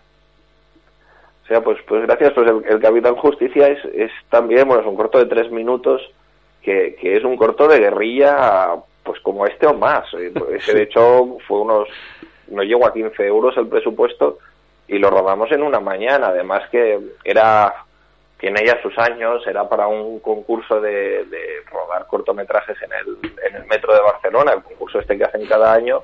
Era el segundo año que lo hacían y, y- y tenías que rodar un corto que hablase sobre, sobre los transportes públicos, ¿no? Entonces, pues pensé que sería divertido un, un superhéroe que, que ha perdido sus superpoderes. Primero te explica una trama de una radiación y un no sé qué, y crees que es así como los ha ganado, y luego se abre el plano y el tipo está viajando en metro porque es así como los perdió, pero él, eh, él sigue sin queriendo ser un héroe. Él quiere seguir jugando su rol de superhéroe, aunque ya es un tipo corriente, con lo cual es un hombre que, que va vestido de superhéroe, pero, pero viaja en metro, en autobús, en tranvía, para intentar salvar al mundo y, y, y, claro, le cuesta pues como cualquiera de nosotros. Y, y hay una, un archienemigo pues también un poco a- al nivel, ha sido dos personajes muy muy estrambóticos. Doctor Demencia, qué El, el bueno. doctor Demencia. Qué bueno. De hecho, yo, yo creo que es lástima que sa- sale muy pocos minutos, ¿no? Este corto, pero, pero yo creo que es de mis personajes favoritos. La verdad es que me, me, me encanta ese, ese personaje. Y, y bueno, quedamos segundos en el concurso, llegamos a los tres finalistas, que- quedamos segundos, pero luego en, festivales lo han ido cogiendo bastante y, y al festival internacional a nivel mundial que hacen en San Diego de cortos rodados con móvil, eh, pues ganamos, ganamos a mejor corto a nivel mundial. El corto está rodado con un iPhone de la época que yo ni siquiera, mi móvil era muchísimo más cutre y, y se lo pedía a un amigo. eh, De hecho, ese día tenía exámenes en, en la universidad y, y me dijo, te lo dejo durante los exámenes, que no necesito el móvil, pero cuando acabe los exámenes me lo devuelves. Y se rodó en las, en las horas que, que él estaba haciendo exámenes, pues es cuando usamos su iPhone para, para grabar el, el cortometraje. Y, y bueno, al ganar en San Diego, los del Festival de Móvil de San Diego eh, tienen un convenio con la San Diego Comic Con, ¿no? uno de los salones del cómic más, más importantes del mundo y entonces presentan siempre allí su festival y proyectan pues eh, el mejor corto de- del año y, y se ve que el nuestro ese año gustó tanto que nos lo están pidiendo cada año. Llevamos desde el San Diego de 2015 eh, que cada año nos lo proyectan un poco con la excusa de que tienen que proyectar cortos rodados con móvil y que la temática de allí pues es muy de cómic y de superhéroe, pues pues cada año me lo piden y, y es un lujo. De hecho, tengo acreditación Joder. para San Diego Comic Con, lo que no tengo es el viaje. Entonces, eh, de momento nunca he ido, pero cada año me, me- me dicen que me, que me mandan acreditación si quiero. Yo he intentado alguna vez coger entrada, que, que es aquello es imposible, me, recuerda mucho a la escena, no sé si habrás visto la, la serie, la de Big Bang Theory, que están allí todos con el ordenador taca, taca, taca, para, para ver cuando entran para coger entrada. Hay, tener, No, la verdad es que no, no, no, no la he visto y, Bueno, es- y- dime, dime, pues, perdona. podría revender mi- mis acreditaciones, la verdad, pero no. Con eso me pago dos cortos a este, a este Mm, nivel. Yo creo, yo creo que sí, yo creo que sí, porque vamos, están, se ve que están súper, súper buscadas, bueno, muy difícil de, de, de, de conseguirla. Y tú que tienes acreditación, bueno, aquello puede ser en la. Claro, pero luego me, luego me lo miré y el viaje y la estancia, pues mucho dinero Es para ir dineral. allí. Claro, digo, pues algún día en el futuro, tal vez. Eh, David, mm, me gustaría que me contaras, mm, aunque sea, ya sé que no, no puedes contar mucho, pero esta historia del libro que llevas años trabajando en él. Ah, pues sí, pues bueno, a mí ya... Lo que puedas. ya- Sé que, sé Mm. que todavía está la cosa ahí, editoriales, tú ultimando y tal, no sé. Pues yo, a mí me gusta mucho el, el cine, pero sobre todo el cómic. Yo, de hecho, soy un dibujante frustrado. Desde niño he querido ser un dibujante de cómic. eh, he estado muchos años en la JOSO y pues, los- las clases de guion sí que sacaba muy buena nota, pero de cómic siempre, pues, eh, justillo. Y, y al final, pues, me pasé a los cortos por eso, pero bastantes cortos he hecho, creo que unos cinco relacionados con, con el mundillo del cómic y los que no, están muy en la línea igualmente y, y siempre me ha interesado mucho las, las adaptaciones de cómic, ¿no? Además, eh, pues eh, eh, si- siempre, si- siempre que he estado en los festivales, pues eh, he ido viendo muchos cortos de cómic también y decía, ¿sabes? Muchos, muchos de los cortos que están por festivales luego quedan en el olvido y algunos son impresionantes. Y yo pues siempre me iba apuntando, ostras, este adaptado a, a este autor, este adaptado a este otro. Y, mm, y pues hace unos años dije, ostras, es que tengo para un libro, en- entre cortometrajes, largometrajes eh, y series de, cómic español, tengo más de 300 obras listadas. Ya de, películas, pues hay, hay más de 80, muchas han caído en el olvido, muchas incluso hablé con algu- algunos autores que han hecho libros para la Filmoteca y me dicen, "No, esta película está perdida, ni la Filmoteca española la ha podido encontrar y la he conseguido encontrar. He podido incluso hablar con los directores, porque a veces ha habido directores extranjeros adaptando largometrajes, y la verdad es que en, en estos años pues siempre he ido escribiendo un poco eso como hobby, de repente es eso, tengo pues casi las 300 vistas, eh, leídos los cómics originales, eh, me faltan porque también de lo que es preguerra civil, pues sí que he podido encontrar algunas y, leer los cómics, pero me ha costado mucho más. Yo lo iba haciendo como hobby y al final pues he tenido un montón. Incluso hay algunas, eh, pues ya que, son de la posguerra que, las estoy restaurando yo, que películas de animación basadas en cómic que, que las estoy digitalizando fotograma a fotograma. y yo, yo he perdido mi curro cuando, cuando empezó la pandemia, llevo en el paro pues desde entonces y en mis ratos libres, tanto escribiendo este libro como distribuyendo mis cortos, como, como sobre todo pues restaurando varios de estos cortometrajes que la Filmoteca me dijo se dan por perdidos y, y pues al final he tenido la suerte de poder encontrarlos y, y fotograma a fotograma escaneándolos, limpiando cada fotograma, eh, ajustando pues lo que es la animación, eh, que no salten porque están hechos en una época muy precaria y pues poco a poco los voy digitalizando. No sé hasta dónde llegaré porque pues, si encuentro trabajo en Claro. breve pues lo ahí, ahí quedarán y iré haciendo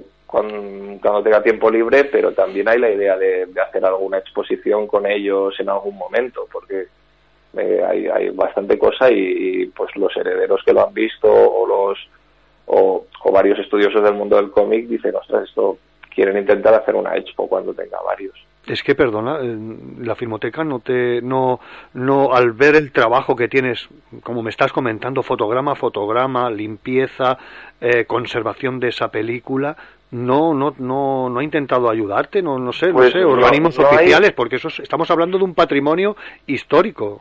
no hay mucho dinero para, para este tipo de cosas, ¿eh? porque mira Garbancito de la Mancha, el tiempo que ha estado desaparecido, eh, parece que hay otra peli muy importante de la animación que lleva mucho tiempo restaurándola y, y, mm, se está haciendo pues poco a poco porque no hay no hay mucho presupuesto. Yo de todas maneras les he contactado hablándoles de esto hace muy poquito porque quería tener un poco para mostrar. Eh, de hecho, primero ellos mismos me dijeron no lo vas a encontrar porque esto eh, son muchísimas pelis y, y muchas de ellas las daban por perdidas, tenían alguna. Y, y tuve la suerte, pues, eh, pero además mm, muy de carambola de encontrar una gran cantidad de ellas y, y a raíz de eso me contactaron muchos coleccionistas que uno tenía una en, en Bilbao, otro tenía una aquí en Barcelona, otro tenía una en Los Ángeles y, y claro, pues entonces con los de Barcelona de hecho he quedado y, y las he ido escaneando y la gente de fuera pues me, mm, van escaneando ellos y me van mandando y yo digitalizando. Pero esto, te- tener, tener alguna acabada es muchos meses de trabajo. Eh, de hecho, además, como eran mudas, pues las, las quiero sonorizar eh, y musicalizar con, con un amigo músico. Y entonces eh, a la Filmoteca les he hablado hace poco de ello. También, claro, de repente me han dicho, ostras, pues esto eh, podríamos llegar a estudiar, meternos, aunque es difícil, porque para estas cosas la animación y el cómic, si ya el cine eh, en, en los presupuestos del gobierno siempre es algo muy denostado, imagínate la animación y el cómic, ¿no? La animación nunca se ha cuidado mucho, lo- la, la animación española especialmente lo, lo que era antiguo, por eso se han perdido películas como Garbancito de la Mancha o Érase una vez que, que a nivel mundial son, son históricas de la animación. Y aquí pues mm, no las teníamos, no con las productoras tiraban los, los, los negativos, no tiraban las películas. Y, entonces, pues eh, sí que me han dicho, hombre, hay que ver quién tiene los derechos. Yo estoy hablando con los herederos y a lo mejor más adelante, pues sí que teniendo un poquito más, puedo presentar y decir, mira, puedo hacer esto y a ver si, si pueden ayudar de alguna manera. Con una exposición casi seguro, porque eso no les cuesta nada. Y, y- pero si no, a ver si, si hay alguna otra forma. Y yo, de hecho, ahora mismo también el proyecto lo, lo he ido presentando a, a, a ayudas a- y becas que hay, a ver si de alguna manera pues pues consigo alguna y, y le puedo dedicar más tiempo y Más esfuerzo y, y alguien más que me ayude también a, a ir trabajando en ello. Sí, sí. Pero bueno, de momento pues es un hobby como, como los cortos. Es un, es un auténtico, claro, es que es un trabajazo. Yo lo veo, todo lo que me- eh, esta historia, sobre todo el tema de la exposición, lo veo en un salón del cómic. Es que, es que lo veo, porque puedes dar, vamos, eh, puede ser una exposición muy rica para todos los que amamos el cómic y los que valoramos mucho, sobre todo el cómic an- eh, antiguo, ¿no? Sus orígenes. Yo lo veo, vamos, increíble, vamos. Yo, yo, yo cuando tenga más, porque ahora habría muy pocos minutos como para una exposición, eh, cuando tenga más, desde luego les escribiré y si, les interesa, por supuesto, lo, cedo todo. Oye David, ha sido un auténtico, es un auténtico placer. Vamos a estar en contacto, vamos a ver sobre todo como, me, me- vamos, me tiene muy, muy loco este proyecto tuyo. Vamos a ver si, si tenemos noticias, hablamos, si tenemos noticias de, de, de que la cosa va para adelante, vamos, si se, si el libro se publica, en fin. Mm, Oye, que, que es- estos trabajos así son muy, muy interesantes, vaya. Pues, pues claro, yo, yo, yo te iré an- anunciando, porque de momento, pues el libro es eso, 200 páginas que tengo escritas y, y voy trabajando en ello, pero si, si en algún momento ya está acabado, pues por supuesto, ya, ya, ya te lo haré saber y, y cualquier novedad. Cuando publiquemos el corto de, de Koji, te lo diré Perfecto. también el, el nuevo para que lo puedas pues poner en las redes sociales y eso. Perfecto, David. Oye, David, es un auténtico placer hablar contigo. Bueno, ya me llevé el, el, el- el buen sabor de boca en Cabra del Camp y ahora en esta entrevista, y espero que no sea la última, que, hablamos, que hablemos de tu porque es una persona que, que con muchas ganas de hacer cosas y con grandes proyectos, vale la redundancia, con, grandes proyectos por ejecutar, vaya. Bueno, pues, pues muchas gracias. Yo la verdad es que me, lo he pasado también genial y, y me alegra mucho que, que, que, aunque hago cortos, pues mira, pues pueda salir en un programa de cómic porque realmente el cómic es, es, Es- lo que me mola. Estamos abiertos a todo. Esto es, es, es de cómics, pero, pero como dice el eslogan del programa, el quinto fantástico el en el mundo del cómic y todo lo que lo envuelve. Y creo que, lo, la faena que haces tú lo envuelve y muy bien, vaya. Genial, pues muchísimas gracias. David, eh, un saludo y un abrazo muy fuerte y sobre todo mantenemos el contacto y vamos a ver si, si lo conseguimos, ¿vale? Fantástico, pues un saludo, hasta pronto. Venga, muchísimas gracias, David. Adiós.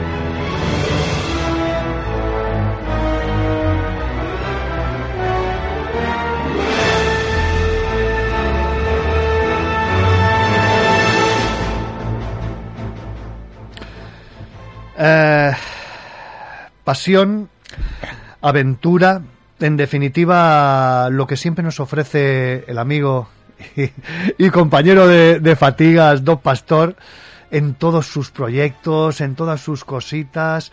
eh, siempre, siempre nos da ese toquecito que, que nos gusta, que nos engancha y que, sobre todo, nos da, nos da para hacer, para hablar con él y estar un ratito y compartir pasiones en común. Eh, Bond, Star Trek, Batman y ahora viajes en el tiempo. Amigo Doc, buenos días y bienvenido al Quinto Fantástico una vez más.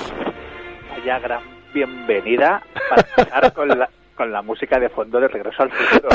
No podía pedir mejor entrada. Es que, bueno, es que lo merece, vaya, para que no vamos a engañar, porque el libro es una, es, es algo, eh, es que me tocas todos los temas, siempre, siempre coincidimos y hablamos y, y todos estos temas de cultura pop, es que, es que bueno, eh, y con la gente que hablo, dices, hostia, es que es que no es el libro pesado que te va contando las ecuaciones para poder viajar en el tiempo, es que lo gozas, vaya. Ya, ya me conoces y de otros libros, bueno, y de cuando charlamos, que siempre intento que, que los libros, lo más importante, al menos para mí, es que el que lo lea se lo pase bien y se entretenga. Bueno, y, y que yo cuando lo escribo, claro, me lo pase bien y me entretenga, porque si yo me aburro escribiéndolo, el, el que lo va a leer se va a aburrir. Con lo que siempre intento que sean libros dinámicos, entretenidos. A veces cuesta más, a veces cuesta menos, y con un tema como viajes en el tiempo, voy a ser sincero, no es muy complicado hacer un libro que pueda quedar resultón entretenido.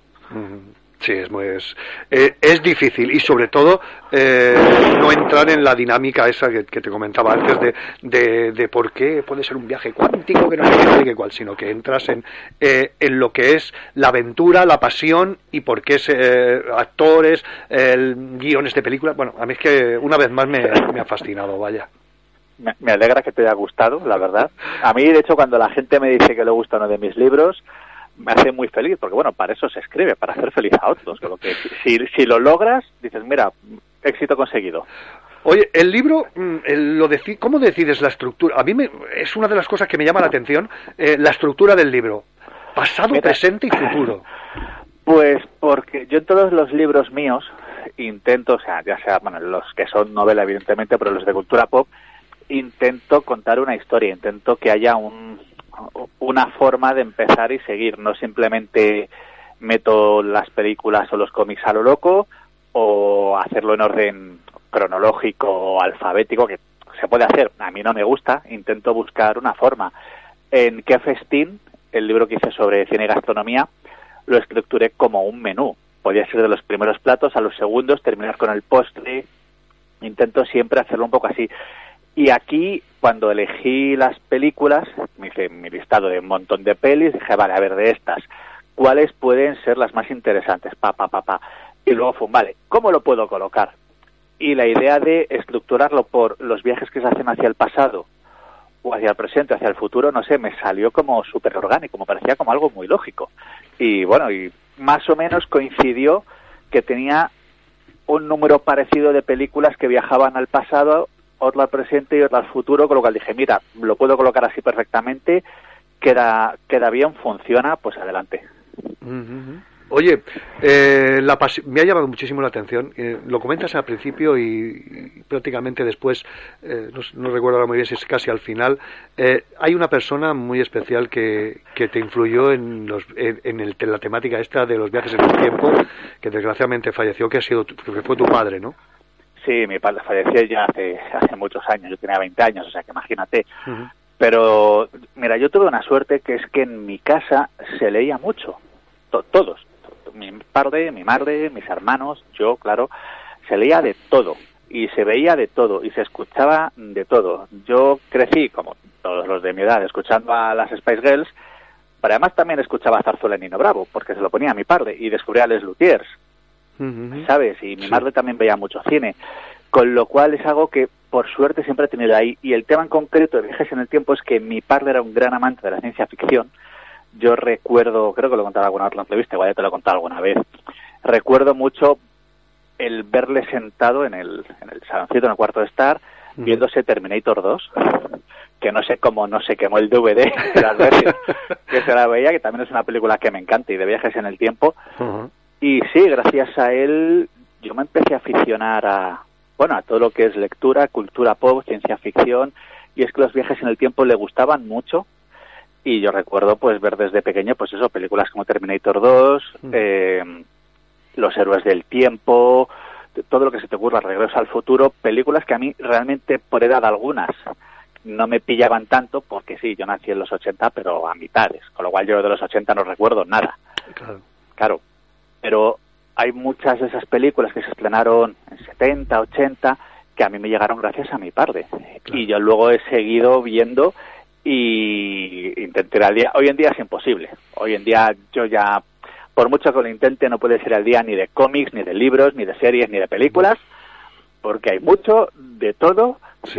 Yo intento ir viendo, pero bueno, e- es complicado mantenerse al día con toda la grandísima producción que tenemos ahora mismo. Sí, mira, precisamente lo hablaba. eh, en una entrevista que le- en la entrevista que, he hecho antes a, que estuvimos hablando con Alfredo Garrido, el cantante de la canción del Mazinger, eh, él hablaba mucho de, de- de eso, dice que ahora no hay un filtro de, de calidad, que todo es bu, bu, bu, bu, y, y creo que tanto en series, cine, cómics, tiene que haber un, un- un- ese pequeño filtro de calidad, porque es que si no es una barca, no es imposible abarcarlo todo. Mira, más que un filtro de calidad, que también, lo que yo creo que tiene que haber es un filtro del espectador. O sea, hemos pasado de ver series a engullirlas. Sí, sí, sí. ¿Sabes? Es terrible. Yo me acuerdo hace años, eh, Javier, Javier Olivares vino a Barcelona a dar una charla tal y yo me acerqué pues para saludarle, darle un abrazo, bueno, y ya ver la charla, evidentemente. Eh, y y en, la, en la charla lo comentó, que ahora mismo, y esto ya hará pues unos cinco años o, seis, eh, mucho público engulle las series, pero cual papagayo y gaviota, se lo mete de golpe. Yo me acuerdo de un amigo que se hizo, cuando se estrenó Daredevil, maratón. Yo vi un capítulo y dije, frena, esto es muy espeso, mírate uno, en un par de días otro. ¿Sabes? Hay series que te lo permiten más. Una Ujú. sitcom suavecita, claro, sí. Pero, y lo ves que hay mucha gente que intenta en el día. Tengo amigos, tío, que tienen listados de películas pendientes de ver. Que es como, mira, yo intento ir a los pases, me intento ver las películas y si algo no puedo o no llego, de Batman, el pase me pilló enfermo. Todavía no he ido. Ya, ya, Voy sí. a ver si este fin de semana pillo una matinal y me acerco. Y si no, pues nada, ya lo veré la semana siguiente. Pero creo que ese efecto es importante, que hay que volver a una época en la que ahora tenemos la suerte, es verdad, de que hay muchísima producción y podemos elegir, es algo maravilloso, pero no que decir que haya que verse todo. Puedes ver esta serie, o esta otra, o esta peli. Creo que hay que volver un poquito, viajar atrás en el tiempo, nunca mejor dicho con este libro, a esa época en la que nos permitimos a, a nosotros mismos el, el disfrutar de, de una serie y el volver a ver series de antes. Series que ya te conoces. Yo todos los años religiosamente me vuelvo a ver El Prisionero, que es mi serie favorita. Y ahora me estoy volviendo a ver Boston Legal, que dentro de nada cumplirá 20 años la serie y también tenemos ese derecho a volver a ver las pelis y series que nos gustan y no estar tan enganchados a intentar estar al día como si fuera nuestra obligación. Y es bueno, a ver, puedes perderte cosas, que no pasa nada. Oye, volviendo volviendo al libro, porque el tema de series Mejor, sí. po- nos vamos a- nos podríamos tirar, vamos, eh, vamos la tira. Yo fíjate, eh, sí, sí, porque Sí, sí, no. de enfermos de estos de que de que se enfadan, de que no han puesto toda la temporada, bueno, en, en- en Twitter y en Facebook, enfadados. Oye, tío, disfruta del capítulo uno. Bueno, es, es igual, déjalo, porque sería un, un debate aquí tremendo. Eh, esto te, te, te estuve leyendo en una entrevista que con Miguel Fernando Ruiz de Villalobos y, me has y comentas que te habías basado en, en libros religiosos en, eh, en, el, en, este, en este último tuyo de No, viaje. no, no, no. ¿No? O, o leíste mal O lo leí mal. O, o igual eh, yo me expresé mal. No, lo que pasa es que yo siempre que escribo Sí. me documento muchísimo, tú lo sabes. Hmm. Mm, y suelo hacer más o menos dos semanas, un mes de estar únicamente documentándome Vale. sobre el tema concreto. Y ahí lo que le comenté a él es que para una novela que saldrá este año, una de las documentaciones fueron la Biblia y los libros religiosos. Vale, no pues- tienen nada que ver con este viajes en el tiempo. Vale, pues, ¿sabes qué, ¿sabes qué pasa? ¿Sabes qué pasa? Que yo lo, lo leí y lo enganché, ¿sabes con qué lo enganché rápidamente? Porque soy un, bueno, soy un fanático, me, leí- me he leído los nueve, con Caballo de Troya. No sé si tú has, leí- te has Mm. Me leído he leído alguno. el primero, Vale. hace, hace un montón. ya. Y, y, mm, al leer, ostras, oh, Doc tiene que ser también, digo, de caballo de Troya. Claro, lo enganché con caballo de Troya, que es, un viaje en el tiempo total y sí, absoluto sí, sí, y demás. Y igual pues lo leí muy rápido, pero disculpa. disculpa, en, eh, en, ese, en ese aspecto. Eh, una de las cosas, eh, los gustos personales a la hora de, elegir las películas. Eh, creo que eres amante de muchas. De, bueno, me he quedado alucinado con Time Cop, que creo que, que es una de tus favoritas. Time Cop me encanta. Es una película que muchas veces se tiene como una peli muy olvidada y muy terrible y a mí me parece una peli de Van Damme, creo que es lo mejor Sí, que hay. sí, sí. Es una peli que funciona muy bien, muy entretenida y a ver, evidentemente a la hora de hacer un libro, creo yo, siempre los gustos personales influyen, más o menos.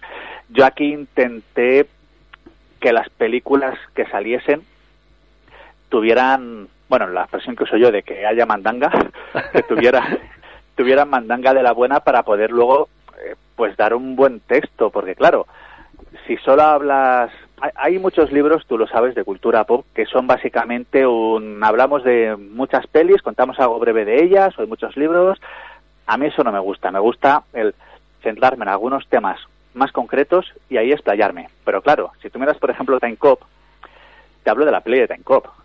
Claro, pero es que además te hablo de la segunda película de Time Cop, te hablo de la serie, te hablo del cómic, ya tienes que en una sola entrada te hablo ah, de cinco cosas, te hablo de y la ciencia ficción, y lo mismo con todas. Yo intento elegir productos que puedan dar de sí. Aquí tenemos varios que venían del mundo del cómic o de la literatura, que puedas hacer descubrir cosas al público. Y en concreto Time Cop es que es una película que muchas veces es muy desconocida, tiene una historia chula detrás, tiene el cómic original que es interesante de leer y ya te digo, me parece una película súper entretenida. Es que, mm, mira, bueno, eh, era una cosa de las que, que, me ha llamado muchísimo más la atención en el libro. Eh, no es una, no es, no es, dices, Time Cop, por decirte el ejemplo que, que te he puesto ahora. Eh, se rodó el director fulano, se rodó tal en tal año, tal y que cual, presupuesto. No, abarcas, te, des- te explayas, es una gozada porque nos empalmas con el cómic. Bueno, es, es, eh, es una descripción absoluta de, de- y bueno y también con los actores también pues hablas de Soldado Universal de Dolph Lundgren en fin todo todo esto mm, enriquece muchísimo enriquece muchísimo al, al lector vaya Claro, es que tú piensas que, eso te decía antes, si yo me aburro escribiendo, el lector se va a aburrir. Eso para empezar. Con lo cual, escoger este tipo de películas que tengan bastante historia detrás te permite crear contenidos mucho más interesantes. Y las hay, además en temas de viajes en el tiempo las hay a patadas. Y luego puedes hacer relaciones de una a otra, tal, lo que dices, pues hablo de Van Damme y te hablo de Soldado Universal, porque es importante recalcarlo, aunque sea un libro sobre viajes en el tiempo, pues que la relación con Van Damme con la ciencia ficción, igual que al hablar de, de Terminator 2, que es la que uso para hablarte de toda la saga de Terminator, de Terminator 1, 3, 4, 5, 6. es que claro ahí Luego hablo de la serie de Sarah Connor hacia el final. Eh, si no recuerdo mal, te hablo de los cómics, el que se cruza Terminator con Robocop. O sea, hay muchísimo que contar. Dar una información breve se puede, claro, pero a mí no me gusta tanto y menos en contenidos como estos que te permiten hablar no solo de esa película concreta, sino hablar de muchísimo más. Sí. Y sobre todo, mira, ahora que has dicho de estos, de estos crossover, ¿no? Eh, al final, al final del libro lo tenemos ahí que, que nos das unas explicaciones mm, exquisitas. Nos hablas de crossovers como El planeta de los simios y Green Lantern, editado por, por DC, sí, sí. Pero, pero que todo muy bien, muy bien relacionado, ¿no? Mm, rico en información. Eso para mí es que es clave. Todos, mira, yo el primer libro que hice, el de los 60 no pasan de moda, hace años me lo intenté volver a leer y bueno, me aburrí un poco, claro, porque fue el primero que hice y estaba, como todos los autores, con el primer libro vas dando un poco palos de ciego, tampoco sabes bien cómo hacerlo. pero después ya fui yendo hacia un estilo concreto para este tipo de libros de cultura pop que a mí me gusta mucho, me parece hasta la fecha que funcionan bien, siempre los comentarios y las críticas son positivos, mientras me dejen seguiré por ahí. Luego se pueden hacer cosas muy distintas. Eh, hay uno que saldrá, bueno, veremos a ver cuándo, que como seguimos en época rara, aunque no nos lo creamos, seguimos Sí. con pandemia y crisis del papel y una guerra y, en fin, vaya época, por Dios.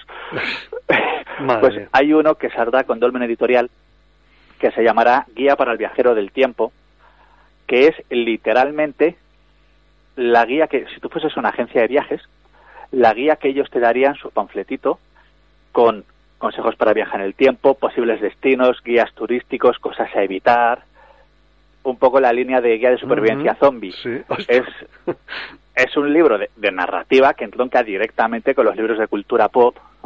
¿Sabes? Siempre puedes intentar, como decías tú, el cómo colocar este libro viajes en el tiempo, las películas en este orden, es buscar siempre un poco la forma de que el libro funcione. Ujú. Es lo que decía, tú puedes hacer un libro por orden alfabético o cronológico, sí, funciona, ya está. Pero a mí me parece que le falta algo. Yo prefiero buscar una forma de que el libro en sí mismo pueda funcionar y tener sentido dentro de la lectura del libro. Oye, una de las cosas que, bueno, mm, que vamos, es que el- el- juntas, eh, bueno, tiras de nostalgia, eh, una de las películas que tengo muy buen recuerdo es Los pasajeros del tiempo, ¿no? Y sobre todo, ¿no? Los pasajeros del tiempo, eh, enlazas ahí con un cómic, con el cómic de Alan Moore, el de From Hell. Es que, mm, vamos, es, es, es espectacular, ¿no? Porque la temática de Jack el Destripador y meterlo ahí como lo metieron en, en Los Pasajeros del Tiempo es, es muy buena. ¿eh? Mira, esto lo voy a decir porque lo, lo repito, aunque a veces no me cree la gente y me sale en entrevista. Yo no soy nostálgico, te aseguro que no me he guiado sí. para nada por la nostalgia. Yo sí, en ese aspecto ¿vale? sí.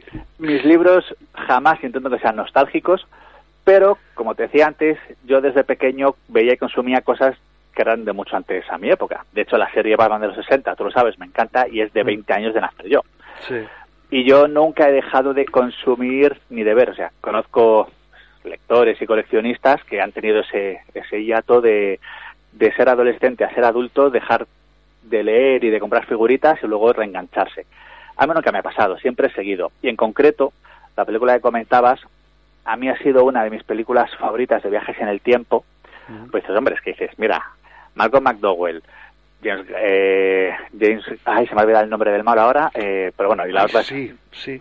James James Garner, no, James Garner no, bueno, como sea, y Mary Steenburgen. Y te plantean que H.G. Wells es el viajero del tiempo, viaja al presente persiguiendo a Jack el Destripador. Impresionante. Es como... Y además es que funciona, que es que es lo peor, que dices, ¿cómo porras esto puede funcionar? Y funciona perfectamente. Y además es, lo que decía, otra de las películas en las que se pueden contar muchas cosas, porque el origen viene de una novela, la idea se la contó el director, o sea, el, el escritor el director, todo lo que se hizo, y luego, claro, es que es el tema de Jack el Destripador. Mira, hace poco, tan hace poco como que fue ayer, me terminé de leer eh, de Oberón libros, ah, Juan Carlos Boiza, El Destripador, El Mito Equivocado.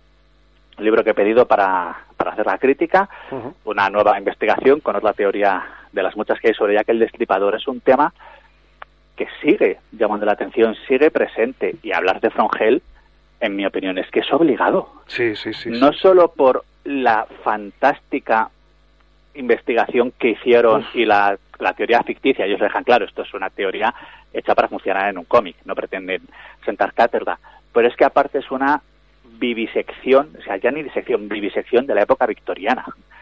Te lo lees y yo me lo leo cada vez, ca- ca- casi cada año me lo releo, la edición primera que creo que sacó Planeta en tomitos de tapa blanda, con sus anotaciones, me lo suelo leer junto con el companion que tengo, tal, y es maravilloso. Es un tema que da para mucho. Y es que esa película a mí me parece, para empezar, que yo siempre la entiendo como una especie de secuela no oficial del tiempo en sus manos, Sí, la del 60. la del 60, de la que también hablo porque es obligada a hablar, o sea, es una película preciosa. Y luego es que, no sé, ya te digo, la mezcla de todo funciona súper bien. Ese H.G. Wells que llega al presente, todo, todo funciona súper bien. Y a mí cada vez que la veo me gusta más. Sí, sí, es que. mm, Bueno, yo tengo muy, muy buen recuerdo. Es del 79, la vi con 15, 16 años y la vi en cine. Y. mm, eh, a mí me encantó, me encantó. Y bueno, el tema Jack el Destripador es un, un- es un tema apasionante, como, como bien, bien comentas, vaya. Nah, Yo en el cine no pude, claro, pero que películas de antes de nacer yo, pero eso no ha impedido que la haya disfrutado y la siga disfrutando. Avanzamos en el libro, avanzamos en el libro y es que me das, me das sorpresa tras sorpresa. Eh, en la introducción de la película Doctor Who y los Daleks, ¿vale? Yo solamente te voy a decir una cosa, es que me encanta con- con- cuando te explayas con Peter Cushing, es que, es que me encanta. Yo te voy a decir, te lo tengo que decir, ¿para cuándo un libro de Peter Cushing? Pues oye, no sería mala idea porque tiene, tiene mucho que dar. Y la de Doctor Who y los Daleks la quise meter en parte porque me, me parecía un poco obligado que siendo yo haciendo un libro de viajes en el tiempo tenía que hablar de Doctor Who. Estaban los libros de Doctor Who, El loco de la cabina, es como, me parece casi obligado. Y tenemos la gran fortuna de que se hicieron dos películas cinematográficas. Vale, que no son canónicas porque es un actor que interpreta a Doctor Who, aunque bueno, luego en el canon de Doctor Who sí que se justifica, pero eso lo cuento en el libro y es más complicado.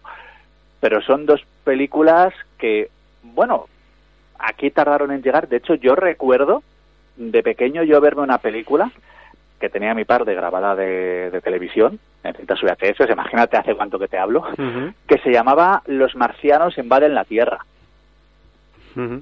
Y no fue hasta años después, cuando me empecé a aficionar a Doctor Who en el 2005, que ya viendo la serie y documentándome sobre ella y demás, mi cerebro hizo clic y dijo, espera un momento, los marcianos invaden la Tierra, eso eran Daleks, no eran más... ¿Qué? qué?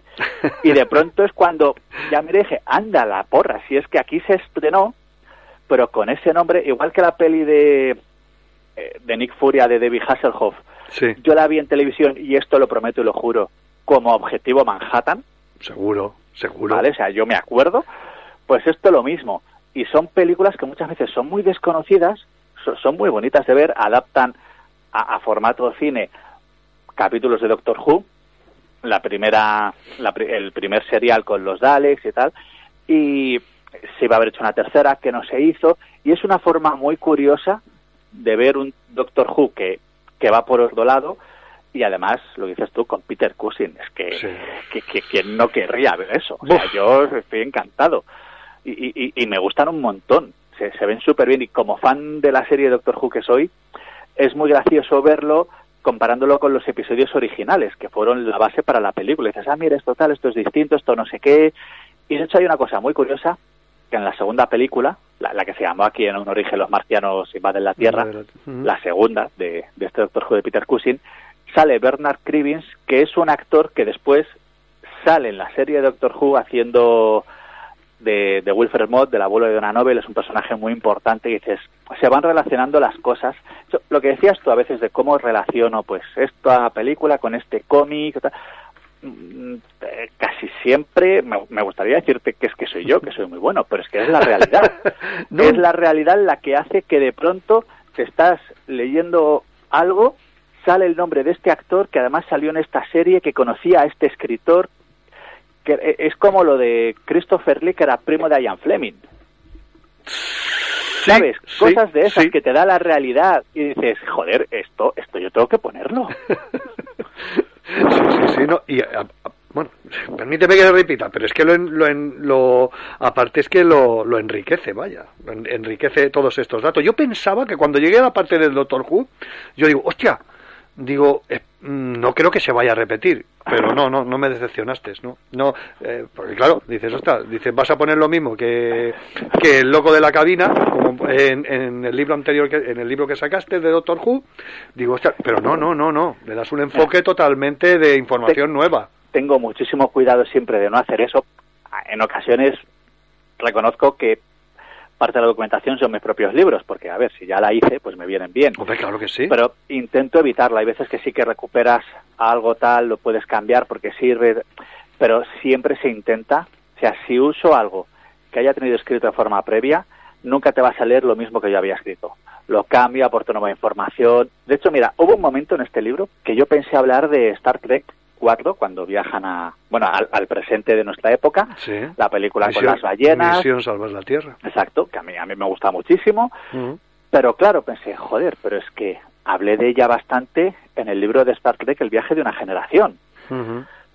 Digo, porras, no sé qué hacer. Y entonces lo que hice fue invertir. Yo pensaba hablar de esta película de Star Trek y meter algunos datos sobre Galaxy Quest, la Sí. película con Tim Allen Sí. y Sigourney Weaver, sí. que también viajan en el tiempo. Y pensé, bueno, o lo hago al revés. Hablo de Galaxy Quest y meto solo algunos detalles sobre Star Trek. Digo, porque a fin de cuentas, de Galaxy Quest tampoco se ha hablado tanto.